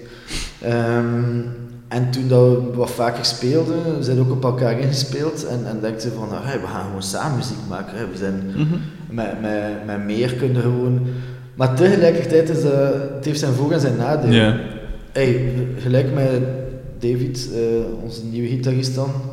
Ongelooflijk cool om mee op het podium te staan, superwijze gast. Mhm. Maar in lokaal lukte dat precies niet. En ik wou dan altijd heel open-minded zijn. En, en, Mhm. Maar dat, dat ging nergens naartoe. En, en na die plaat hebben we eigenlijk niet echt nog dingen gemaakt. Mhm. Waarvan hij heeft toch geen reeks nummers meer gemaakt, waar we dan zeiden van... Ja. Dus ik denk dat voor, voor drums op die moment de beste manier was dat er gewoon één visie was. Ehm, want als je met meer mensen zit, kan inderdaad een, een, een, een, een extra zijn, maar het kan ook zijn dat hetgeen dat je doet verdund wordt omdat je... Ja, compromissen moet sluiten en zo. voilà. Ja. En eh, ik denk dat dat ook een van de redenen is waarom dat wij in, in duizend richtingen eh, gegaan zijn om te kijken van ah, wat Ja. kunnen we samen, hoe, wat vinden we... Ik was bijvoorbeeld zot van Sint, maar ik kon, kan dat totaal niet spelen, dus dan hebben we Stijn erbij gehaald. En dan dacht ik van, ah fuck, er ga je een wereld voor ons open. Maar ook daar Mhm. Is daar niet echt uitgekomen wat dat ik gedacht had of gehoopt had. En ook allemaal geen, niet, geen dingen waar ik frustraties zijn overgehouden heb. Dat is hoe dat gaat. Mhm. Eh, dus ja, in theorie zou ik het liefst hebben dat we met, met die vier Mhm. op ongekende hoogtes komen samen. Maar dat is, ook al hebben we dat vaak geprobeerd, Hmm. niet echt gelukt. Mhm. Eh, Of dat was toch niet echt drums, zoals dat mensen drums Ja, hebben. Zo gelijk dat ze het in de maag zei, ik had er verwacht dan. Dat was echt, dat was de max.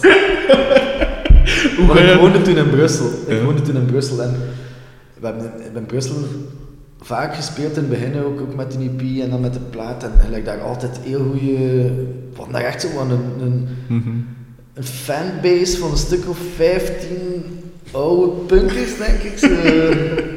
en en ja, die, die, waren, die waren ook op tour altijd, het- altijd het grootste lawaai. Dus de ene voet daar binnen zetten en al direct zo ene gast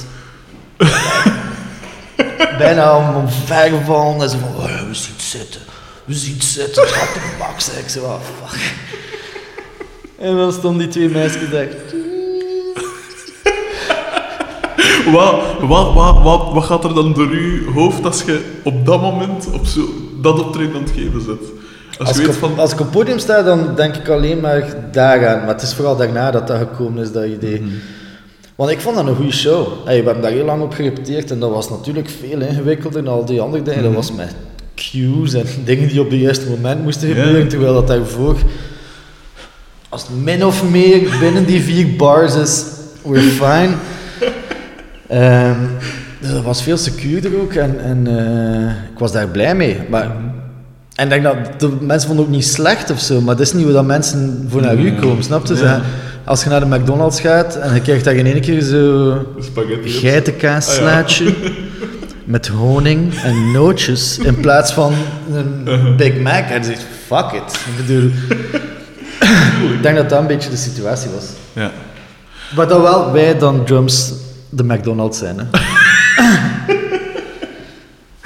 Eh, over uw, uw, uw trouwens, als ik daar even iets mag Ah, over nee, zeggen, we hebben ooit nog, toen dat we naar manieren aan het zoeken waren om meer geld te verdienen, hadden we gedacht om een endorsement van McDonald's te dragen. en onze, en onze eigen, onze eigen eh, burger voor te staan, en dat was de McPanda. Met echt pandavlees. Echt? Ja, het is er Wow. niet van gekomen. Het mag al een keer iets kosten bij me.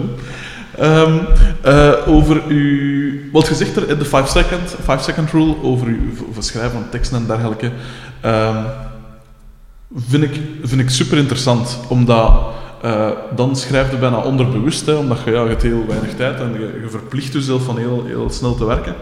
Merk je dan dat je vaak uitkomt bij dezelfde thema's of bij dezelfde... eh, dat er bepaalde stokpaardjes zijn dat altijd weerkeren, textueel gezien dan? Ik denk nu met ouder worden, Hm. dat ik dat zelfs niet alleen in mijn muziek zie, maar ook in alle andere dingen waar ik mee bezig ben. Dat, eh, ik spreek natuurlijk dan alleen voor mezelf en niet voor de band, maar dat, en dat is al vanaf dat ik klein was, eigenlijk al de, de dingen die eruit komen, Mhm. altijd op een of andere manier zo eh, proberen. Dat ze lijken op iets dat al bestaat, maar dat het toch eigenlijk net, net dat iets, iets anders is. Ja. Eh, ja, hetgeen dat ik daar juist zei, dat ik, ik maak graag stoorzenders, ik maak graag dingen dat Mhm. mensen denken van hé, hey, daar ga ik naar kijken, want dat lijkt dat of dat. Mhm. En dan is dat totaal iets anders. Hey, ik vind het leuk om, eh, ik, weet, ik weet niet of ik daarin slaag, Mhm. maar het is als wel mijn missie in het leven om mensen te destabiliseren. Mhm. En dat zit zowel in mijn films als in de muziek, denk ik. Ja. Eh, en je denkt daar niet over na, hè, maar dat is wat als je dan, ik zeg, je wordt wat ouder en je kijkt van wat ik nu eigenlijk allemaal uitgestoken, Mhm. dan zie je daar die lijnen. Ja, ja. Eh, ik weet niet wat dat een antwoord is op je vraag. Ja, allee, in zekere zin... Of, allee, het, het, wat dat je zegt komt mij al sinds vertrouwd voor, omdat ik weet, ik sta nu ook, ik heb redelijk wat dingen op mijn lijf staan, en mijn moe bijvoorbeeld, die is absoluut niet daarvoor. Absoluut, absoluut niet. Eh, en ik weet nog dat ik op een gegeven moment zei van, ziet...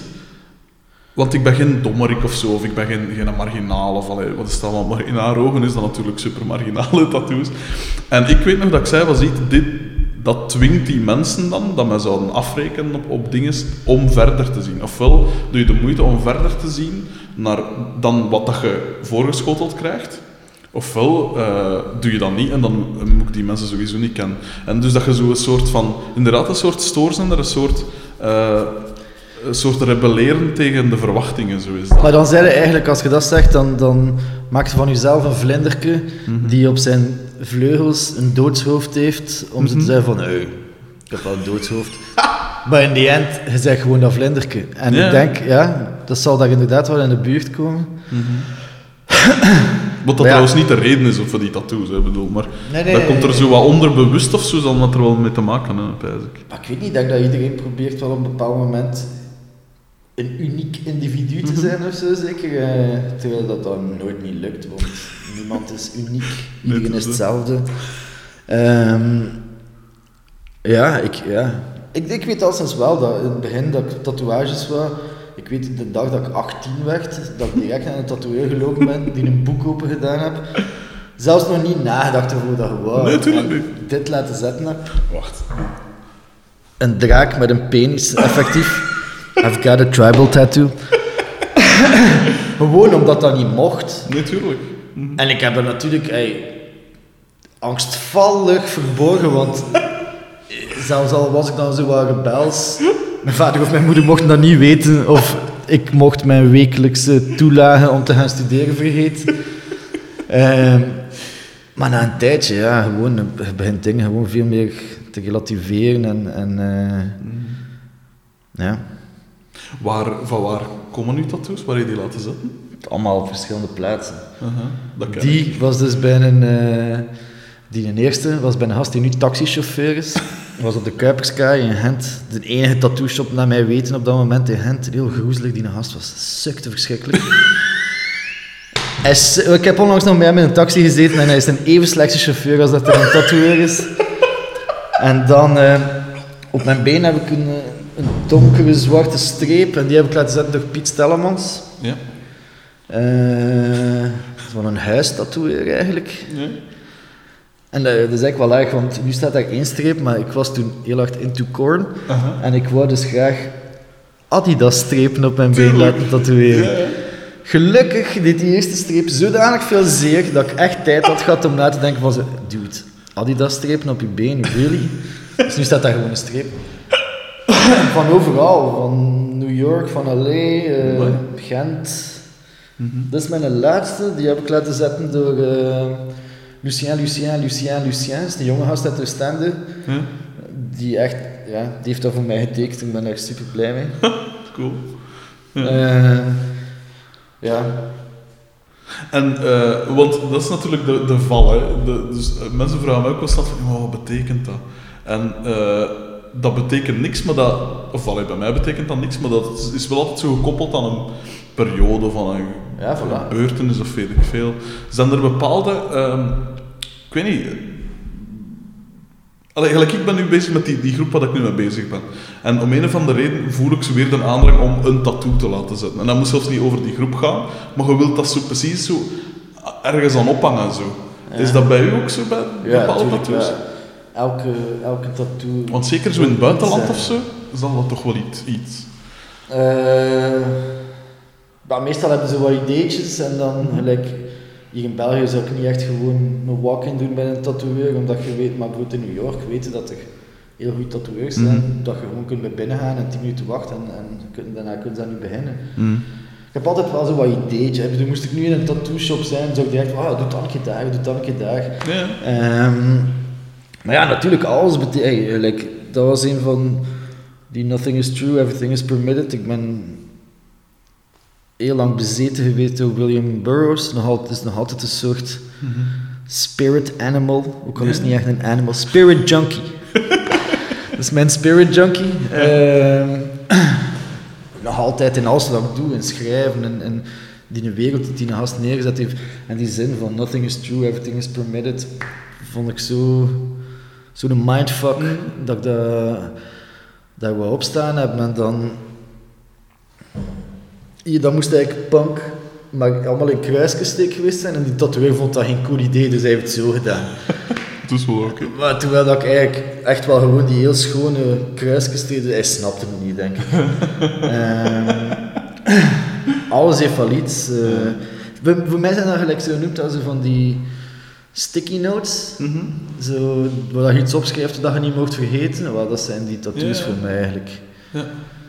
Nee, dat ken ik. En qua impulsiviteit, ik heb mijn borst impulsief laten tatoeëren. Dat ik, ook, ik ging een interview doen voor uh, P-magazine, dat was dat toen nog, met een, mijn vrouwelijke tatoeëerster.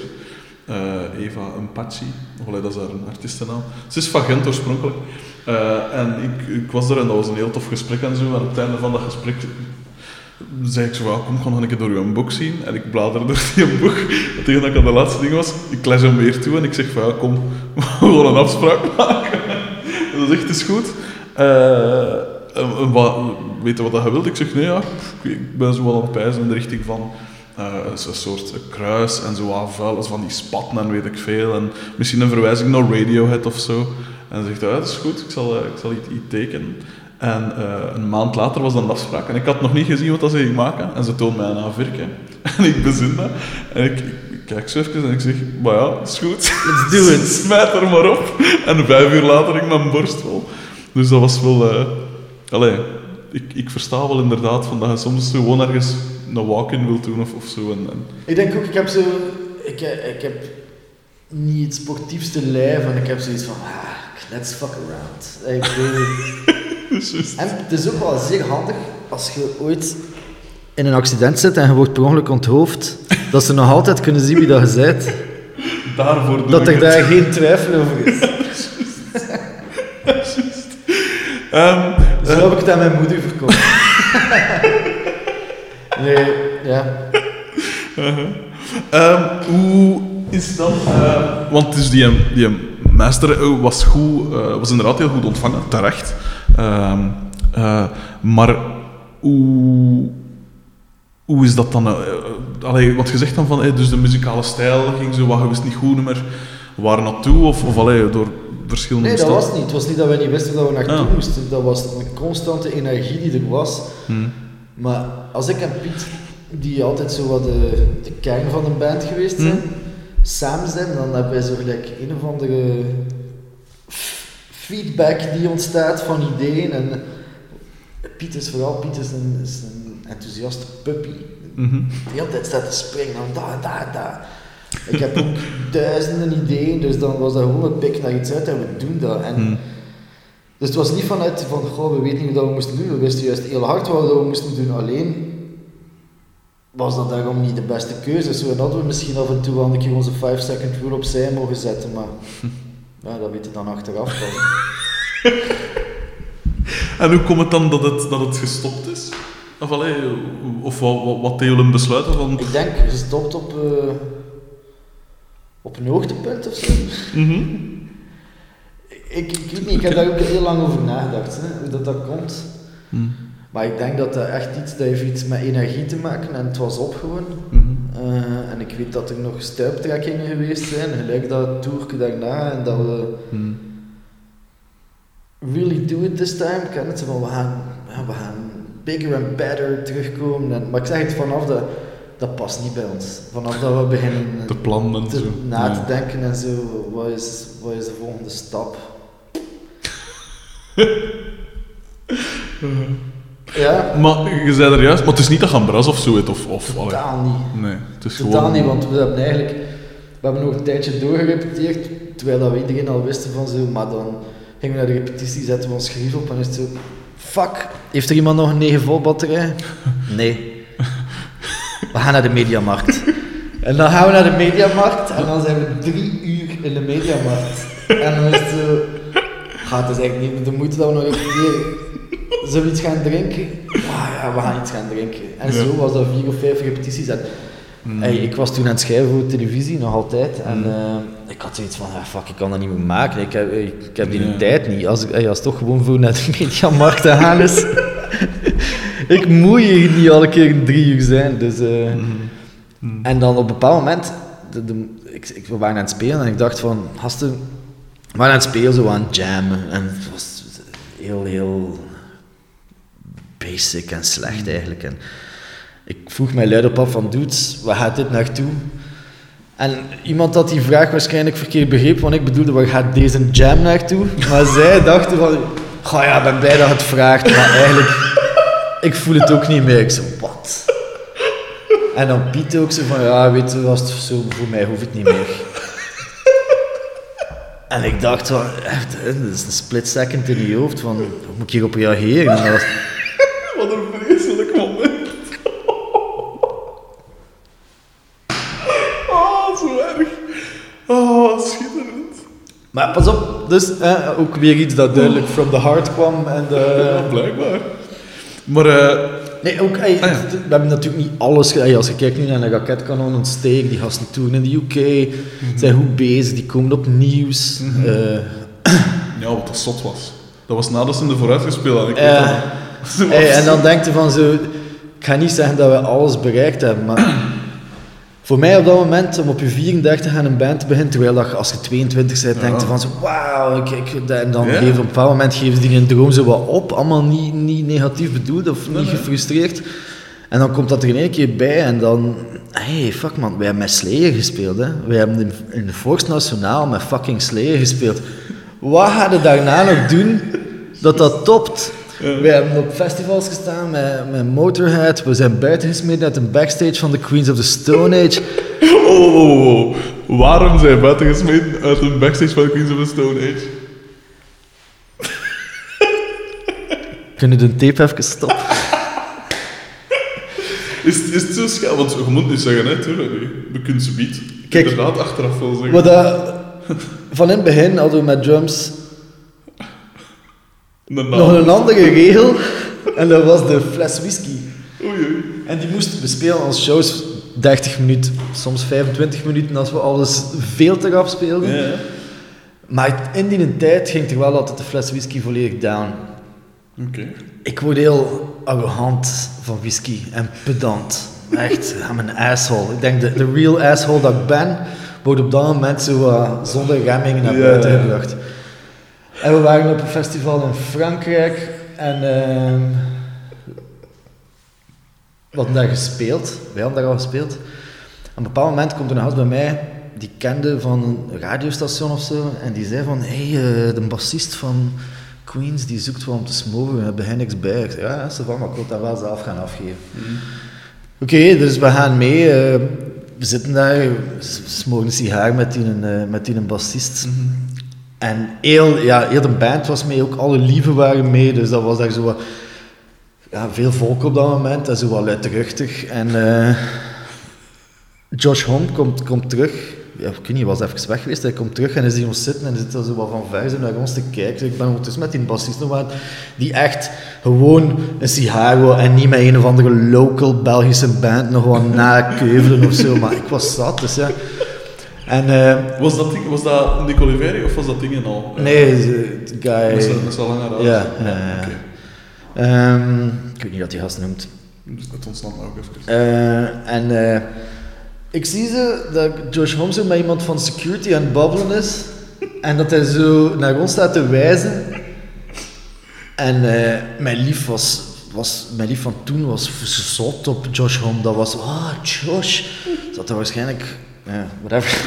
Eh, en eh, eh, ik zie in één keer komen twee gasten van security zo, en die smeten ons buiten uit een backstage. En ik was zo op mijn tenen getrapt. Oh ja, ze hadden ons, ze hadden ons uitgenodigd. Ah ja. En ik ben hem toen beginnen uitmaken voor cower of, of asshole en you can't do this. your buddy invited us in, he smoked with us. Ja, we moesten allemaal buiten. Mijn lief was hij mega hard schamen voor mij, want ik was tegen Josh Home aan het roepen. Dus voilà, ja, dat is het eigenlijk. Schitterend. Goed bezig. Cool. Cool verhaal. Maar dan, dan maakt het veel cooler als dat je gechilled hebt met, met, met the Stories. is cooler dat je er buiten gevlogen bent. dat is een veel beter verhaal. Die gasten van Slayer, die waren chill. Hoe dat? Die waren echt een max. Want wij, dat was zo de dag voor... eh, dat, stond al, dat was al heel lang zo wel van, hey, ze gaan ons vragen voor het voorprogramma van Slayer. Twee weken daarvoor of zo. Twee dagen daarvoor nog altijd niets gehoord, zo, maar we moesten ons toch nog altijd stand-by houden. Het ging waarschijnlijk wel doorgaan. De dag daarvoor nog altijd niets. Dan s'avonds, de dag ervoor, kreeg je zo'n telefoon van ja, het gaat door, Slayer. Dus wij dachten, en iedereen was al zo van, oh, hij gaat daar echt een shit treatment krijgen, hij gaat zo... Eh, wij kwamen daartoe, we hadden een eigen kleedkamer. We hadden, eh, zij, we mochten niet met hun mengpaneel werken, maar ze hadden wel het mengpaneel dat wij op onze rider hadden staan, daar, daar gezet en zo. Ja. En eh, we zaten in een backstage en in een backstage was er gelijk wel een half dorp wat verder. in, ook ook in, in, in Vorst. En ik word op de deur geklopt en zo, Tom Araya komt ons zo wat geluk wensen voor de show en al. En, eh, ja, ik moet zeggen, ik heb daar wel last van, van zo'n fanboydom. Ja? Bij, bij, bij sommige mensen totaal niet, want dan denk ik van, you're a dickhead, fuck you. maar bij andere mensen dan volledig wel. Ja. Mike Patton bijvoorbeeld, dat zou ik niet... eh, zou, ik- zou ik je maar goed worden als ik echt even moet babbelen. Cool. Eh, ja. Ehm, ik ga er zoiets nog, nog want ik, mijn- mijn afsluitvraag is altijd van, zijn er zo nog van die eh, zo anekdotes of zotte momenten of weet ik veel. Kan je daar, maar dat is, dat, is altijd een- dat is de moeilijkste vraag, maar dat is ook de beste afsluiter. Als het lukt, dan is dat de schoonste afsluiter. Shit, ik heb hier al mijn poer al verschoten eigenlijk. Ehm, maar eh, gelijk, Oh, wel, echt niet. maar zo even eh, puur gelijk zo voor... eh, want, dus je bent cineast, hè? of, of, eh, of hoe moet je dat dan misschien... Ik weet niet wat dat je precies... Ik ben regisseur, scenarist. Regisseur, ja. Regisseur, scenarist, ja, wel, voilà. Eh, dus in uw... Want dat vroeg ik daar niet, dus voor teksten bijvoorbeeld. Eh, en voor thema's en dergelijke. Eh, want je zet een eerste dat ik nu interview, hè, van die 79 mensen, dat zo schrijft, op die manier. Dat is ook zo snel en, en is het allemaal, dat het er moet uitkomen. Ehm, uw teksten, komt, qua thematiek en zo, komt dat puur uit jezelf? Of, of refereert dat? Want je zegt, je refereert naar, naar, eh, naar Satan van tijd, hè, voor dat soort spielerij. Klinkt goed, hè, Satan. maar zijn er ook bijvoorbeeld, met dat je zoveel met films bezig bent, ik merk dat dat voor mij bijvoorbeeld, als ik teksten schrijf, dan steek ik er ook wel eens ver- verwijzingen in naar eh, Aldous Huxley, of nog films, of nou weet ik veel. Eh, doe jij dat ook, dat soort dingen? Dus, heeft, heeft die film, die fascinatie voor film, komt dat ter- terug in uw, in uw muziek? Of in de sfeer van een nummer of zo? Of? Ik denk niet dat ik dat, dat, ik dat bewust doe. Dat zal zeker gebeuren, maar ik denk niet dat ik zo van... "Hm, ik ga hier even een slimme verwijzing insteken naar eh, Ja. de 17e eeuwse dichter. Ah, ja, Nee. Ja. Nee, dat doe ik niet. Eh, maar bijvoorbeeld, hey, heel dat manier van snel werken, dat heeft ongetwijfeld te maken met het feit dat ik mij niet lang kan concentreren op Mhm. hetzelfde ding. Ja. Dus alles moet rap gaan, of ik, ik heb zoiets van... Iets dat ik 10 minuten daarvoor de max vond, kan ik 10 minuten later zo... ah, toch niet zo wijs. Ehm, maar bijvoorbeeld dat snel werken en dat dingen samenplakken en, en hey, Boy was in the Death Room bijvoorbeeld, is een nummer van ons. Dat was een titel die op dat moment in de gazet stond over Michael Jackson was juist gestorven.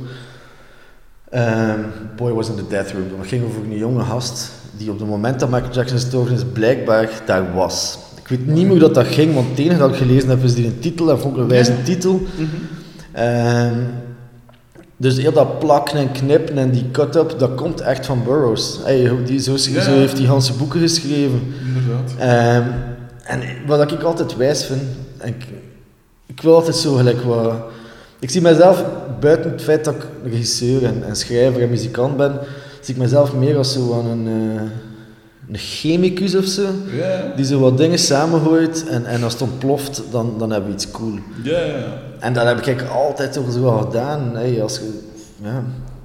Hmm. ik, ik heb vroeger, ik op de buiten, ik heb heel veel kampen gebouwd en zo. En eigenlijk alles nu, die films, de muziek dat je maakt, zijn altijd een kleine kampjes. Dingen, uw wereldjes dat je maakt en zo van, that's, I did this. Ja, absoluut. Ehm, dus ja, ik probeer niet te veel na te denken over de dingen dat ik Mm. maak. ja. Soms is dat er ook echt aan te zien of te horen. Andere keren kom ik daar goed mee weg. Uh-huh. Ehm, Ik ben als een, voilà, dat is het ook, ik ben echt geen perfectionist. ah ja, oké. Echt niet. Echt niet. oké. Dus meer op instinct als op eh Ja. als afgewerkt. Ik kan soms echt ook kwaad worden op perfectionisten. Ja, nee, weet je, ik vind, ik vind soms perfectionisme eh, een ander woord voor te bang zijn om met je shit naar buiten te komen. Mhm. Hey, creatieve mensen zijn de beste procrastinators die bestaan. En dat is echt gewoon omdat ze bang zijn. Er is daar geen andere reden voor. Je moet mij dat zelfs niet proberen uit te leggen. Nee, eigenlijk Wim, bullshit. You're scared.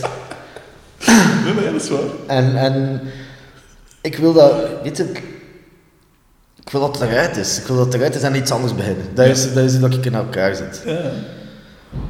Dus eigenlijk komen al die dingen die soms inderdaad er goed uitkomen, komen eigenlijk uit allemaal een beetje slechte eigenschappen van mij. ja. Maar dat vind ik niet erg. Nee. Want het is wie dat jij bent. En het is wat het resultaat is. Mhm.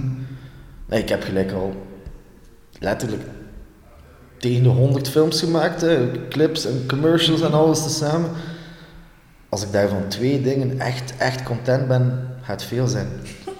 Ja, en en hey, dat, is, dat is misschien een heel hey, voor de hand liggende theorie of zo, maar ik denk dat dat ook hetgeen is dat u als maker ehm, ervoor zorgt dat je blijft verder doen. Dat Ja. je nooit content bent over wat je gemaakt hebt en de volgende keer gaat het beter doen. Ja. Dat ik. Eigenlijk ook, en de- die, die, hier staat er, be prepared. Mhm. Ik ben nooit voorbereid op dingen. En dan, soms hebben ze zoiets van, I got away with this one, het is er goed uitgekomen. Maar soms heb ik dat ik dan op mijn set sta en dat ik weet van, oké, dude, hadden hier nu een keer gewoon één avond op je gemak over nagedacht, hadden dat probleem niet gehad. En dus dan op een bepaald moment heb ik mij dat laten tatoeëren. Be prepared, be prepared. Het heeft echt nog geen zak geholpen. Dus sommige post-it notes worden genegeerd. Maar eh, omdat je dan zegt eh, dat je dus absoluut geen, geen, perfectionist bent, hoe belangrijk is dan materiaal voor u? Totaal onbelangrijk. Dat dacht ik al. Maar is er... Mixen van muziek, totaal onbelangrijk. Mastering, totaal onbelangrijk. We hebben even lang gemixt aan ons platen dan dat we er gaan opgenomen hebben. Ik had zoiets van, waste of fucking money. Ja. Allee. Hmm. Dat ken ik wel. Langs de andere kant... Maar ik weet niet of dat, pas op hè, ik weet niet of dat ik daar juist in ben. Ik zeg niet Ja. dat dat the way is. Nee, ik zeg nee. niet dat iedereen zo moet zijn. Maar voor mij is dat niet... eh, Nee, maar ik herken Hey. het wel. Want wij doen ook, wij maken nu ons, ons ding, we pakken ook alles zelf op en zo. En ik heb nu wel de chance dat mijn drummer iets in die richting min of meer gestudeerd heeft. Dus die kan dat wel zo wat afwerken. Maar als ze dan zeggen van, ja, we gaan mee naar een echte studio en bij een producer en zo, dan denk ik, fuck dat, dat is toch veel cooler dat je dat zelf doet. Ik zit wel heel graag in, in grote studio's. Ons Ah ja, plaat maar hebben we opgenomen in een ICP. Ja. Je mocht daar roken. Overal. Er stond een pool. We hebben een ICP Oh, gekozen. We hebben een ICP gekozen omdat er een zwembad was in de vorm van een gitaar. Maar we zaten daar in de winter en dat spel was bevroren, dus we hebben daar niks aan gehad. Ehm, maar is wat. Ik snap wat dat bedoelt. Je moet, je moet ook soms gewoon realistisch zijn. En eh, ja, ik, ik denk dat dat ook een beetje samenhangt. Hè? Dat niet perfectionistisch zijn en niet bezeten zijn door de right gear of zo. Maar je wilt toch een bepaalde klank of zo? Dat, waarvoor? Nee? Een bepaald volume. ik weet niet, hè? Ah, ik weet, gelijk Botjes, hè, David, onze andere gitarist, die Ja. kan echt soms aan zijn, aan zijn amp staan te vijzen dat je zoiets hebt van, dude. ik zet hem aan, Ja, voilà. ik ga misschien zo wat, ah, maar sowieso wat meer bas bij, sowieso, dat zet je dan open. En dan het volume tot juist dat je het aan kunt aan je oren en we're ready to go. Eh, Maar ja, Ja. op een gegeven moment heb je wel een, eh, een vijfsnarige bas gekocht. Waarom, dat, waarom dat dan? Man, ik heb al zoveel van die fucked up dingen gedaan. Waarom? Omdat ik op een bepaald moment dan denk van, ik ga mij nu echt toeleggen op het spelen van de vijfsnarige basgitaar. Want dat doen niet veel mensen. En, you, could, you could be great at this. En dan speel je daar zo een keer mee en dan, eh, ja... Goh, is- ik, ik kan echt niet alles uitleggen waar- waarom dat ik dingen gedaan heb. Dus ook... Eh, maar en, bij u, want inderdaad, ja, sound is dan iets minder belangrijk, maar speelde bijvoorbeeld, gebruikte hij iets van pedaal? Ja, een red. Een red, een Proco red gewoon. Ja, Dat is het. ja. En een stembakje. Als we chance hebben. Als ik het niet vergeten ben. Ik heb de eerste tien jaar dat ik bas speelde, had ik niks van die dingen. Of misschien juist inderdaad zo een, stem, zo een los stembak. Heb ik altijd gehad. Ik heb vroeger had ik veel meer pedalen dan nu. Ja. Maar weet je wat het is? Als ik, hoe meer pedalen je hebt, hoe meer kans dat je ze uittrapt. Tuurlijk. Of dat je ze loswerkt. Ja, en dan... zeker als, eh, als, als wij in het begin spelen, dat is zo, en daarom was dat ook maar een half uur, ik, ik stond constant op ontploffen gewoon. Dus dat, dat, dat, dat was part of the show, om, om gewoon volledig Mhm. bestiaal te gaan. En dan eh het beste weinig mogelijk pedaaltjes, want als je de ene keer zo wat uit je... Tuurlijk, Ah, fuck, shit. tuurlijk. Dus Mhm. Dat is een van die dingen ook. En ook gewoon, ja, omdat ik niet geduld heb om, om te gaan zoeken. Wat, Mhm. ja, wat kunnen we hier nu allemaal mee doen? Is het een distortion? Oké, dat alles open en, en, en gaan. En, ja. ja, dat is ook weer dat basic, dat ruwe, dat Mhm. eerste gedacht. Mhm. Ja, sorry, ik dacht, ik dacht dat, dat er nog een mijmering of zo ging komen. Sorry. Nee, ik, Eh, maar eh, over naar een absolute clichévraag. Als je een aantal platen zou mogen meenemen naar een onbewoond eiland waar dan een platendraaier staat, wat zijn, met andere woorden, wat zijn uw favoriete platen? ja. Of, of allee, als je geen volledige platen, want sommige mensen zijn geen volledige platen, mensen, maar dan op zijn minst zo'n paar favoriete nummers of zo. alleszins... Ik ben even vergeten wat ze noemt. De plaat van eh, Fate No More, dat Woodpeckers from Mars op staat en Surprise You're Dead en... eh niet The Real Thing die daarvoor. Fuck, mag ik dat googlen? Tuurlijk, tuurlijk, tuurlijk. Ik zal ondertussen proberen verder babbelen. Eh, Dat moet niet per se. hè. af en toe moet er zo'n keer iemand naar het wc of zo in het midden van dingen, en dan blijft dat ook gewoon lopen. Dus, Fate No More Ik zal zeggen wat ik aan het doen ben. Eh. maar je moet om vier uur weg, zeker? nee, niet per se. Maar ik ga je tijd niet te lang meer in, eh, innemen. Het is zo wel belangrijker dingen te doen. hè. Inks.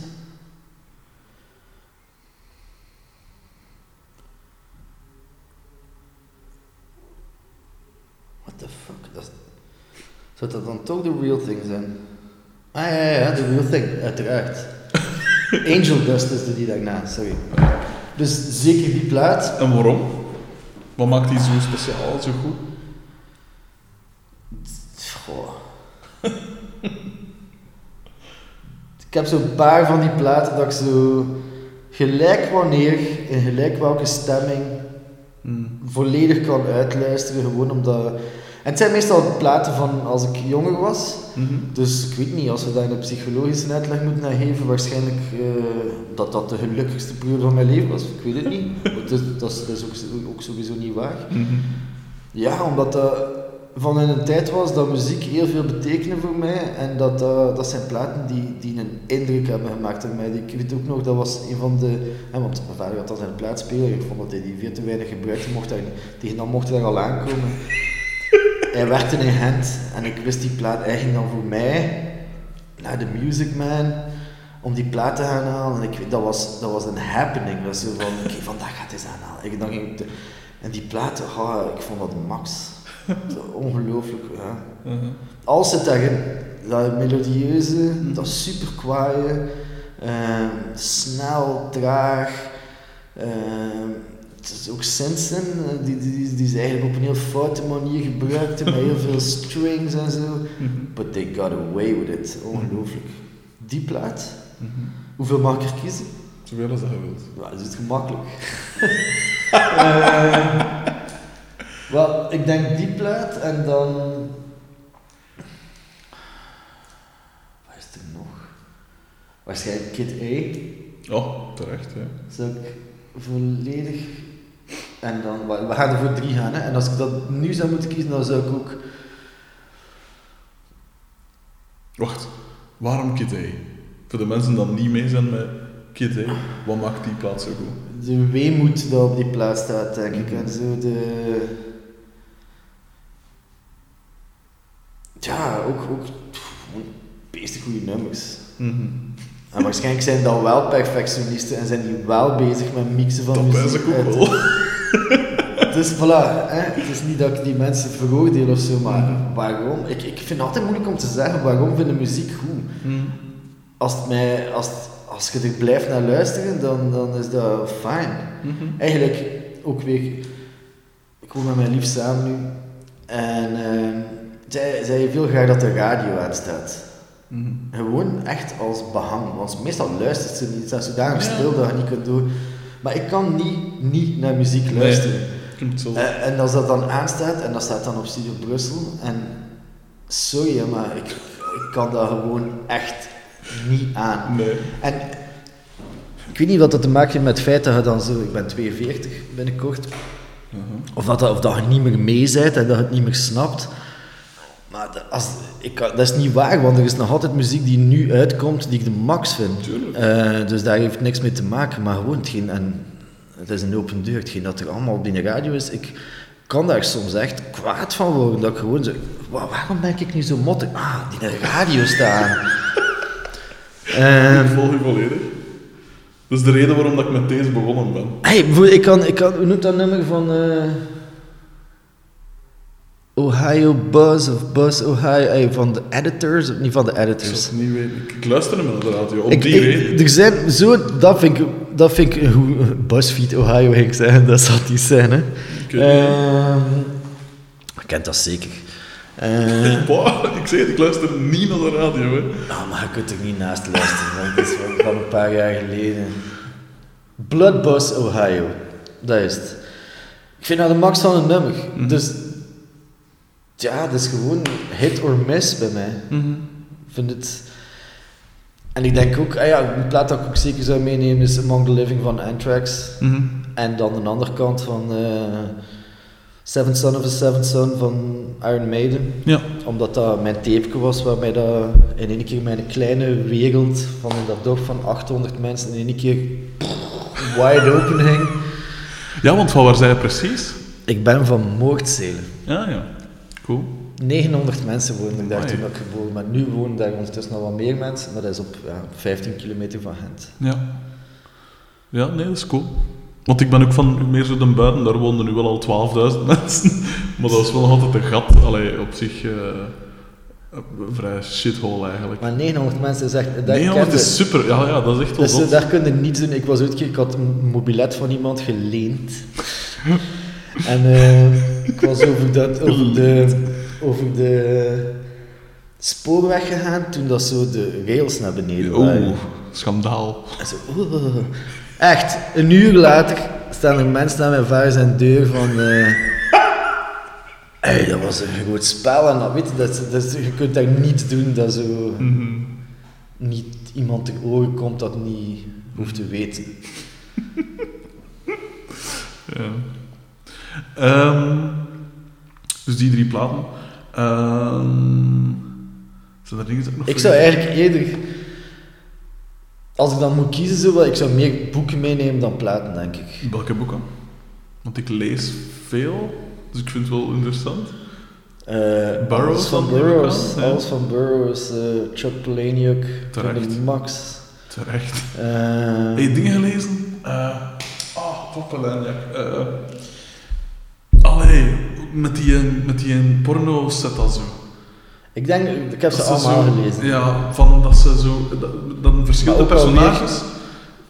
Echt. Dat is erg, hè? Dat is echt erg. Dat is echt niet... eh, Oh, wacht, dat ga ik even opzoeken, want de eventuele luisteraars moeten die wel zeker checken. Dat is echt een Maar leest gewoon alles van Chuck Palahniuk, ja, alles. Dat is een goed, ook een goed idee. Hey, dat gaat er door, dat, dat, is toch, dat, dat leest op twee dagen uit. Absoluut. Absoluut. Ik ga hem heel rap een zoeken. Wat nog van boeken? Ik zou waarschijnlijk, allemaal in het licht van, je zit op een eiland, er is geen andere zak te doen dan dat. Stephen King. Dat is ook wel.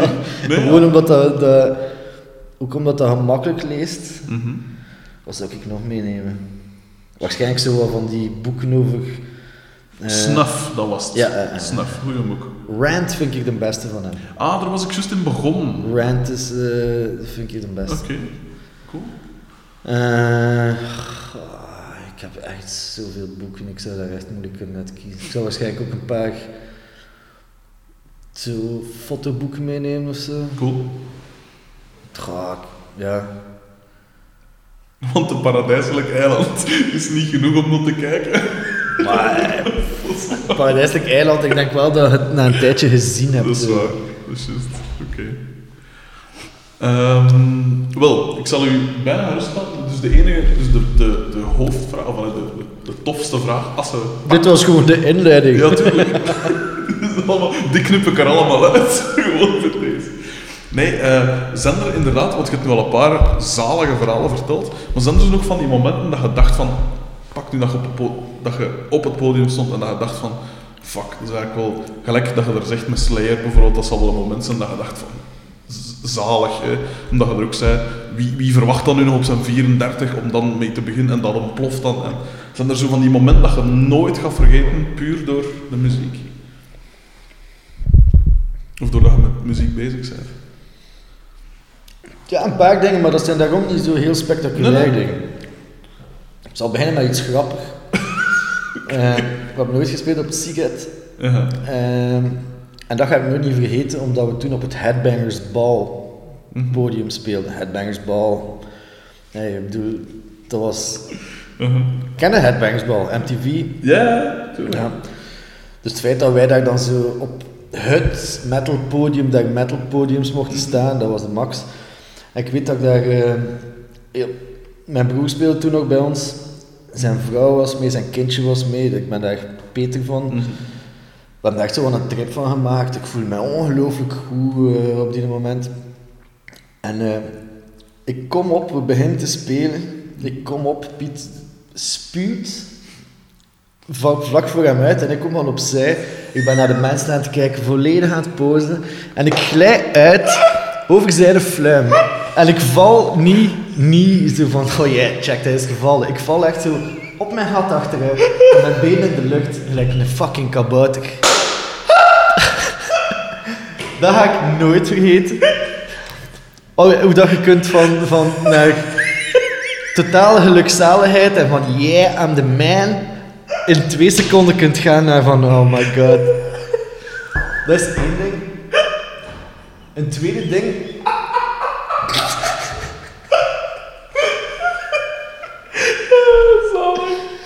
Oh, sorry, ik onderbrak u. Nee, nee. Iets anders dat ik niet ga vergeten is eh, dat ik op een bepaald moment hadden we een show ergens gespeeld.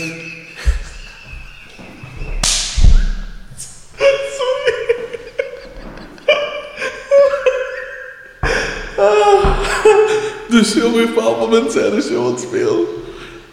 En er komt na de show iemand bij mij en die zegt van... eh hey, die plaat, dat ging over Master toen. Die plaat, eh, ik wil je daar echt voor bedanken, want dat heeft mij volledig door zo de scheiding met mijn vrouw Oh, ja.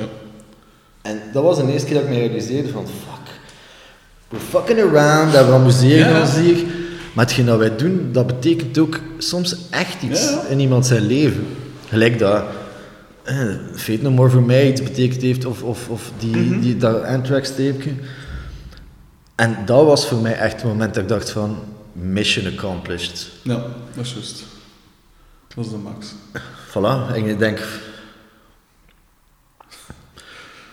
Goh, er zijn, er zijn zoveel dingen. De, mijn broer die we kwijt waren op dat Zwitsers festival dan. Daar ben ik... Dus daar hadden we dus onze fles whisky gekregen, maar ook een fles absint.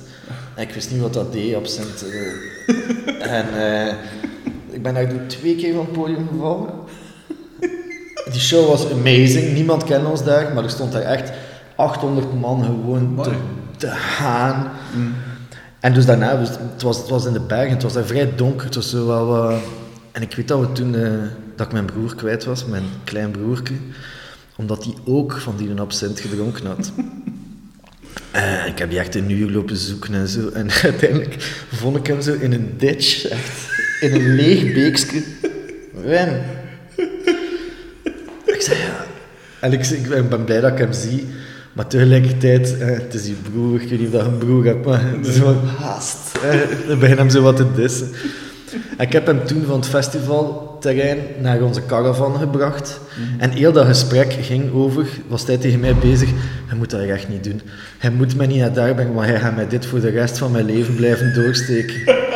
En hij had gelijk. Tuurlijk. Tuurlijk. Dat was een schoon moment. Uh-huh. Ander schoon moment, de eerste keer dat we het doordeden, Mhm. was zo... Wij speelden een donderdag als eerste band. Ik, zo, denk je niet openen, maar tweede of derde band van het festival. Mm. Dus je denkt, ja, wij zijn door, maar ja, geen kat komen. Hè. Fucking hell. Die zaal stond stampvol. Mhm. En dat gaf zo'n boost. En we hebben daar echt een van onze beste shows gespeeld, denk ik. En, en ja, het was ook nog allemaal zo aan het begin. Hè. Hey, Ja. De plaat was al uit. We hebben daarna door. Hebben we dan nog een keer een jaar gedaan dat we daar twee keer gespeeld hebben. Een keer de donderdag en de zaterdag. Mhm. Eh, ja, het zijn, het zijn eigenlijk allemaal niet, ik zeg het, niet zo spectaculaire dingen, maar zo dingetjes waarvan dat je zegt van oké, dit is de volgende stap in wat dat we gaan doen. Zeg. Ja. Cool. Ehm, ik, ik, ik was al bijna vergeten, maar je bent dus nu met iets nieuws bezig. Hè? Ik weet nu niet, je zei er zoiets al van, ja, ik weet nog niet hoe, allee, wat dat gaat worden of hoe, allee, het staat nog in de, de kinderschoen. Maar wat, we kunnen er al iets over zeggen, van, van ja, wat, in welke richting dat gaat, of weet ik veel, of met wie, of... Wat? In welke richting dat gaat, ik denk dat dat zo wel wat duidelijk is, want er zijn niet veel dingen dat we kunnen. Eh, het is Piet en ik samen en eigenlijk het enige dat we nu weten, Mhm. is dat we willen dat in ene stationwagen Otto past. Zodanig dat we geen fucking bussen moeten huren Mhm. van mensen die daar veel te veel geld voor vragen. en eh, dat we gewoon een, eh, ja, een heel luxueuze auto, een BMW of zo, kunnen huren om mee naar een show te rijden en daar een half uur te spelen, iets te drinken, iets te eten en terug naar huis te gaan. Ik heb daar juist al vergeleken dus met oude die een mini-voetbalploegje beginnen. En wel, het gaat zoiets zijn. Het is zo niet echt voetbal, niet zoiets waar je zo alle weken moet voor trainen. en zo. Maar mini-voetbal, op het gemak, zo balgeschop met de maat. Uh, En is de bedoeling dat je met twee blijft? Of? ik denk het wel, ja. Ja. Ja, want anders kun je niet in die not in. Wel ja, het is dat. en dus iets vrij hard. Ja. Nou wel, oké. Ehm, maar nog geen plan voor... We zijn, we zijn echt nog maar een paar weken aan het repeteren terug. Ey, Eigenlijk vanaf het moment dat we gestopt zijn met drums, ik, ik heb mijzelf, ik denk dat dat moest, even voorgelogen dat ik dat niet nodig had. En dat ik zo, ja, je bent nu, je hebt, je hebt een serieuze job, je moet je daarop concentreren, er zijn mensen die rekenen op u. Maar het is daarom dat je dat juist zei van, ik wou muzikant worden. Ik denk dat je dat gewoon zijt. Ja. En dat dat dan... Hey, kijk naar mijn broer. Mijn broer is dan gestopt met drums omdat hij ook eh, om dezelfde reden van gotta be a family man en, en, en daar niet gauw om zijn, maar Nee, gewoon van Ik heb het gehad. En, ja. En hij is een paar jaar geleden ook terug met een band begonnen. eh, die, die spelen nu ook af en toe. Die hebben een plaat opgenomen en zo. Ja. Dus ja, val niet aan het ontsnappen. dat valt niet uit. Dus dat. Wij kiezen de muziek niet, de muziek kiest ons. Mooie afsluiter. Eh, ik zou je enorm willen bedanken dat ik hier mocht eh, komen eh, is luisteren gedaan. naar Ik u. vond het zeer aangenaam. Ik vond het een van de fijnste interviews dat ik al gedaan heb. En ik zou dat niet zeggen, moest ik het niet menen. Ik vond echt... De, de rochel-anekdote alleen al is Man, schitterend. man, man. Eh, en ik zeg het, enorm bedankt dat ik hier mocht komen. En ik ben echt benieuwd naar uw eh, toekomstige project. En eh, nog eens bedankt voor Another Kind of Bad. Want ik zeg het, dat blijft... Oh, dat is zo'n goed nummer. Allee, de rest ook, hè. Maar Ik ga je daar misschien nog iets over zeggen. Oké. Er zit daar een stukje in. I'm just a jealous guy. Van wie heb ik dat gepikt? Ik, zou het niet weten. De Beatles! Echt? Zo wel. Zalig. Just a jealous guy. Hé, dat is toch John Lennon? Ja, het komt me bekend voor, maar van in welk nummer dan? Het is dat. Dus als ik piek, piek ik van de beste. Voilà, dat. Allee, cool. Eh, merci dat ik hier mocht zijn. Graag gedaan. Tot de max.